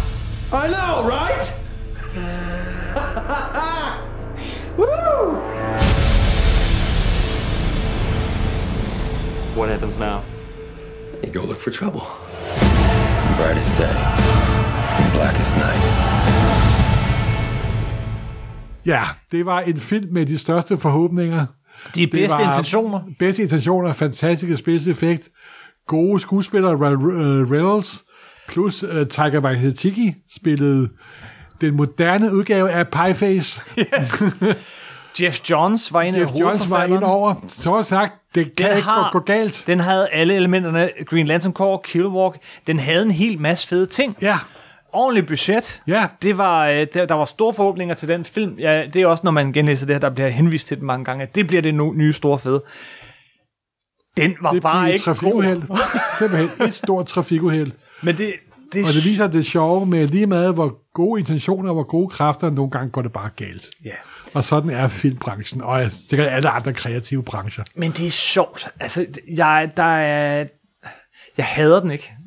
Nej, og det er jo, altså, du kan jo ikke have Re- med Reynolds, vel? Det er Han måske er jo lidt utrolig det. sympatisk Ja. ja. skuespiller, ikke? Og jeg, jeg synes, det, det er sådan en af de der film, hvor det er så tydeligt, at de, de gerne ville. At, at, at, at de virkelig prøver. Øh, og øh, altså de der intentioner, det er ligesom om, det skinner igennem, at vi vil virkelig gerne. Det gik bare ikke rigtigt. Nej, der, der kommer nok til at gå nogle år, før de rebooter den figur, hvad de selvfølgelig gør på et tidspunkt, fordi hvem vil ikke ønske sig en kæmpe anlagt tv-serie over The Green Lantern Corps? Ja, det bliver bare meget dyrt, ikke? Fordi det, det kræver de der, det kræver nemlig det der, altså super, det, Det, det der meste, som det kræver, det er en intelligent forfatter på serien og en god showrunner. Ja, Lad os se, hvad, hvad fremtiden bringer. jamen altså, igen, god film. Er det ikke Martin Campbell, der instruerede den egentlig? Øh, jeg kan fuldstændig glemt, hvad, hvem instruktøren var, og det håber han sikkert også selv. jeg tror faktisk, det er Martin Campbell. Det var et rigtig godt hold bag. Og øv, men Martin Campbell, den gamle James Bond. ja, James, Ah, ja, James ja, Bond, det ham, var, det, ja, det var det, tror jeg, du har ret. Ja, ja. Han var måske ikke den rette at sætte til. Who knows. Jeg håber i hvert fald, øh, at, øh, der er nogle herlige henvisninger til den i, øh, i Deadpool-filmene. Ja, Ja, Reynolds øh, har jo øh, selvironien i sin magt, og han bruger den så sandelig også. Yes. På tegnefilm har han været god. Øhm, er der andre sådan Green Lantern afskygninger? Er der nogle af de her tegnefilm fra DC Universe, vi, vi, vi burde fremhæve? Øh. Nej, ikke sådan med Green. Der er lavet en udmærket udgave af Final Frontier, synes jeg. Ja, det er der bestemt. Ikke Final Frontier, øh, New Frontier. New Frontier, ja. Så, nej. Vi sluttede med lidt af en dot, sluttede filmen. Det kunne da ikke være bekendt. Det gik lige så godt. Vi kan ikke Men stoppe her. husk, der er en ting, vi skal slutte af med. Og det er den danske udgave af Eden. I mør... Kan du? Nej, og overs, øh, genskabt af vores allesammens første laterne, Super Ope. Det er et lys, hvor, hvor vi alle søger. Det er et godt sted at stoppe. Og du, og du kan den. Jeg, jeg, jeg kan den ikke. Nu, nu, nu kommer jeg til spot. Jeg prøver. I lyse nætter, i mørke dage, al ondskab vil jeg forsage. Må de, der kæmper for det samme, bevare grønne lygters flamme!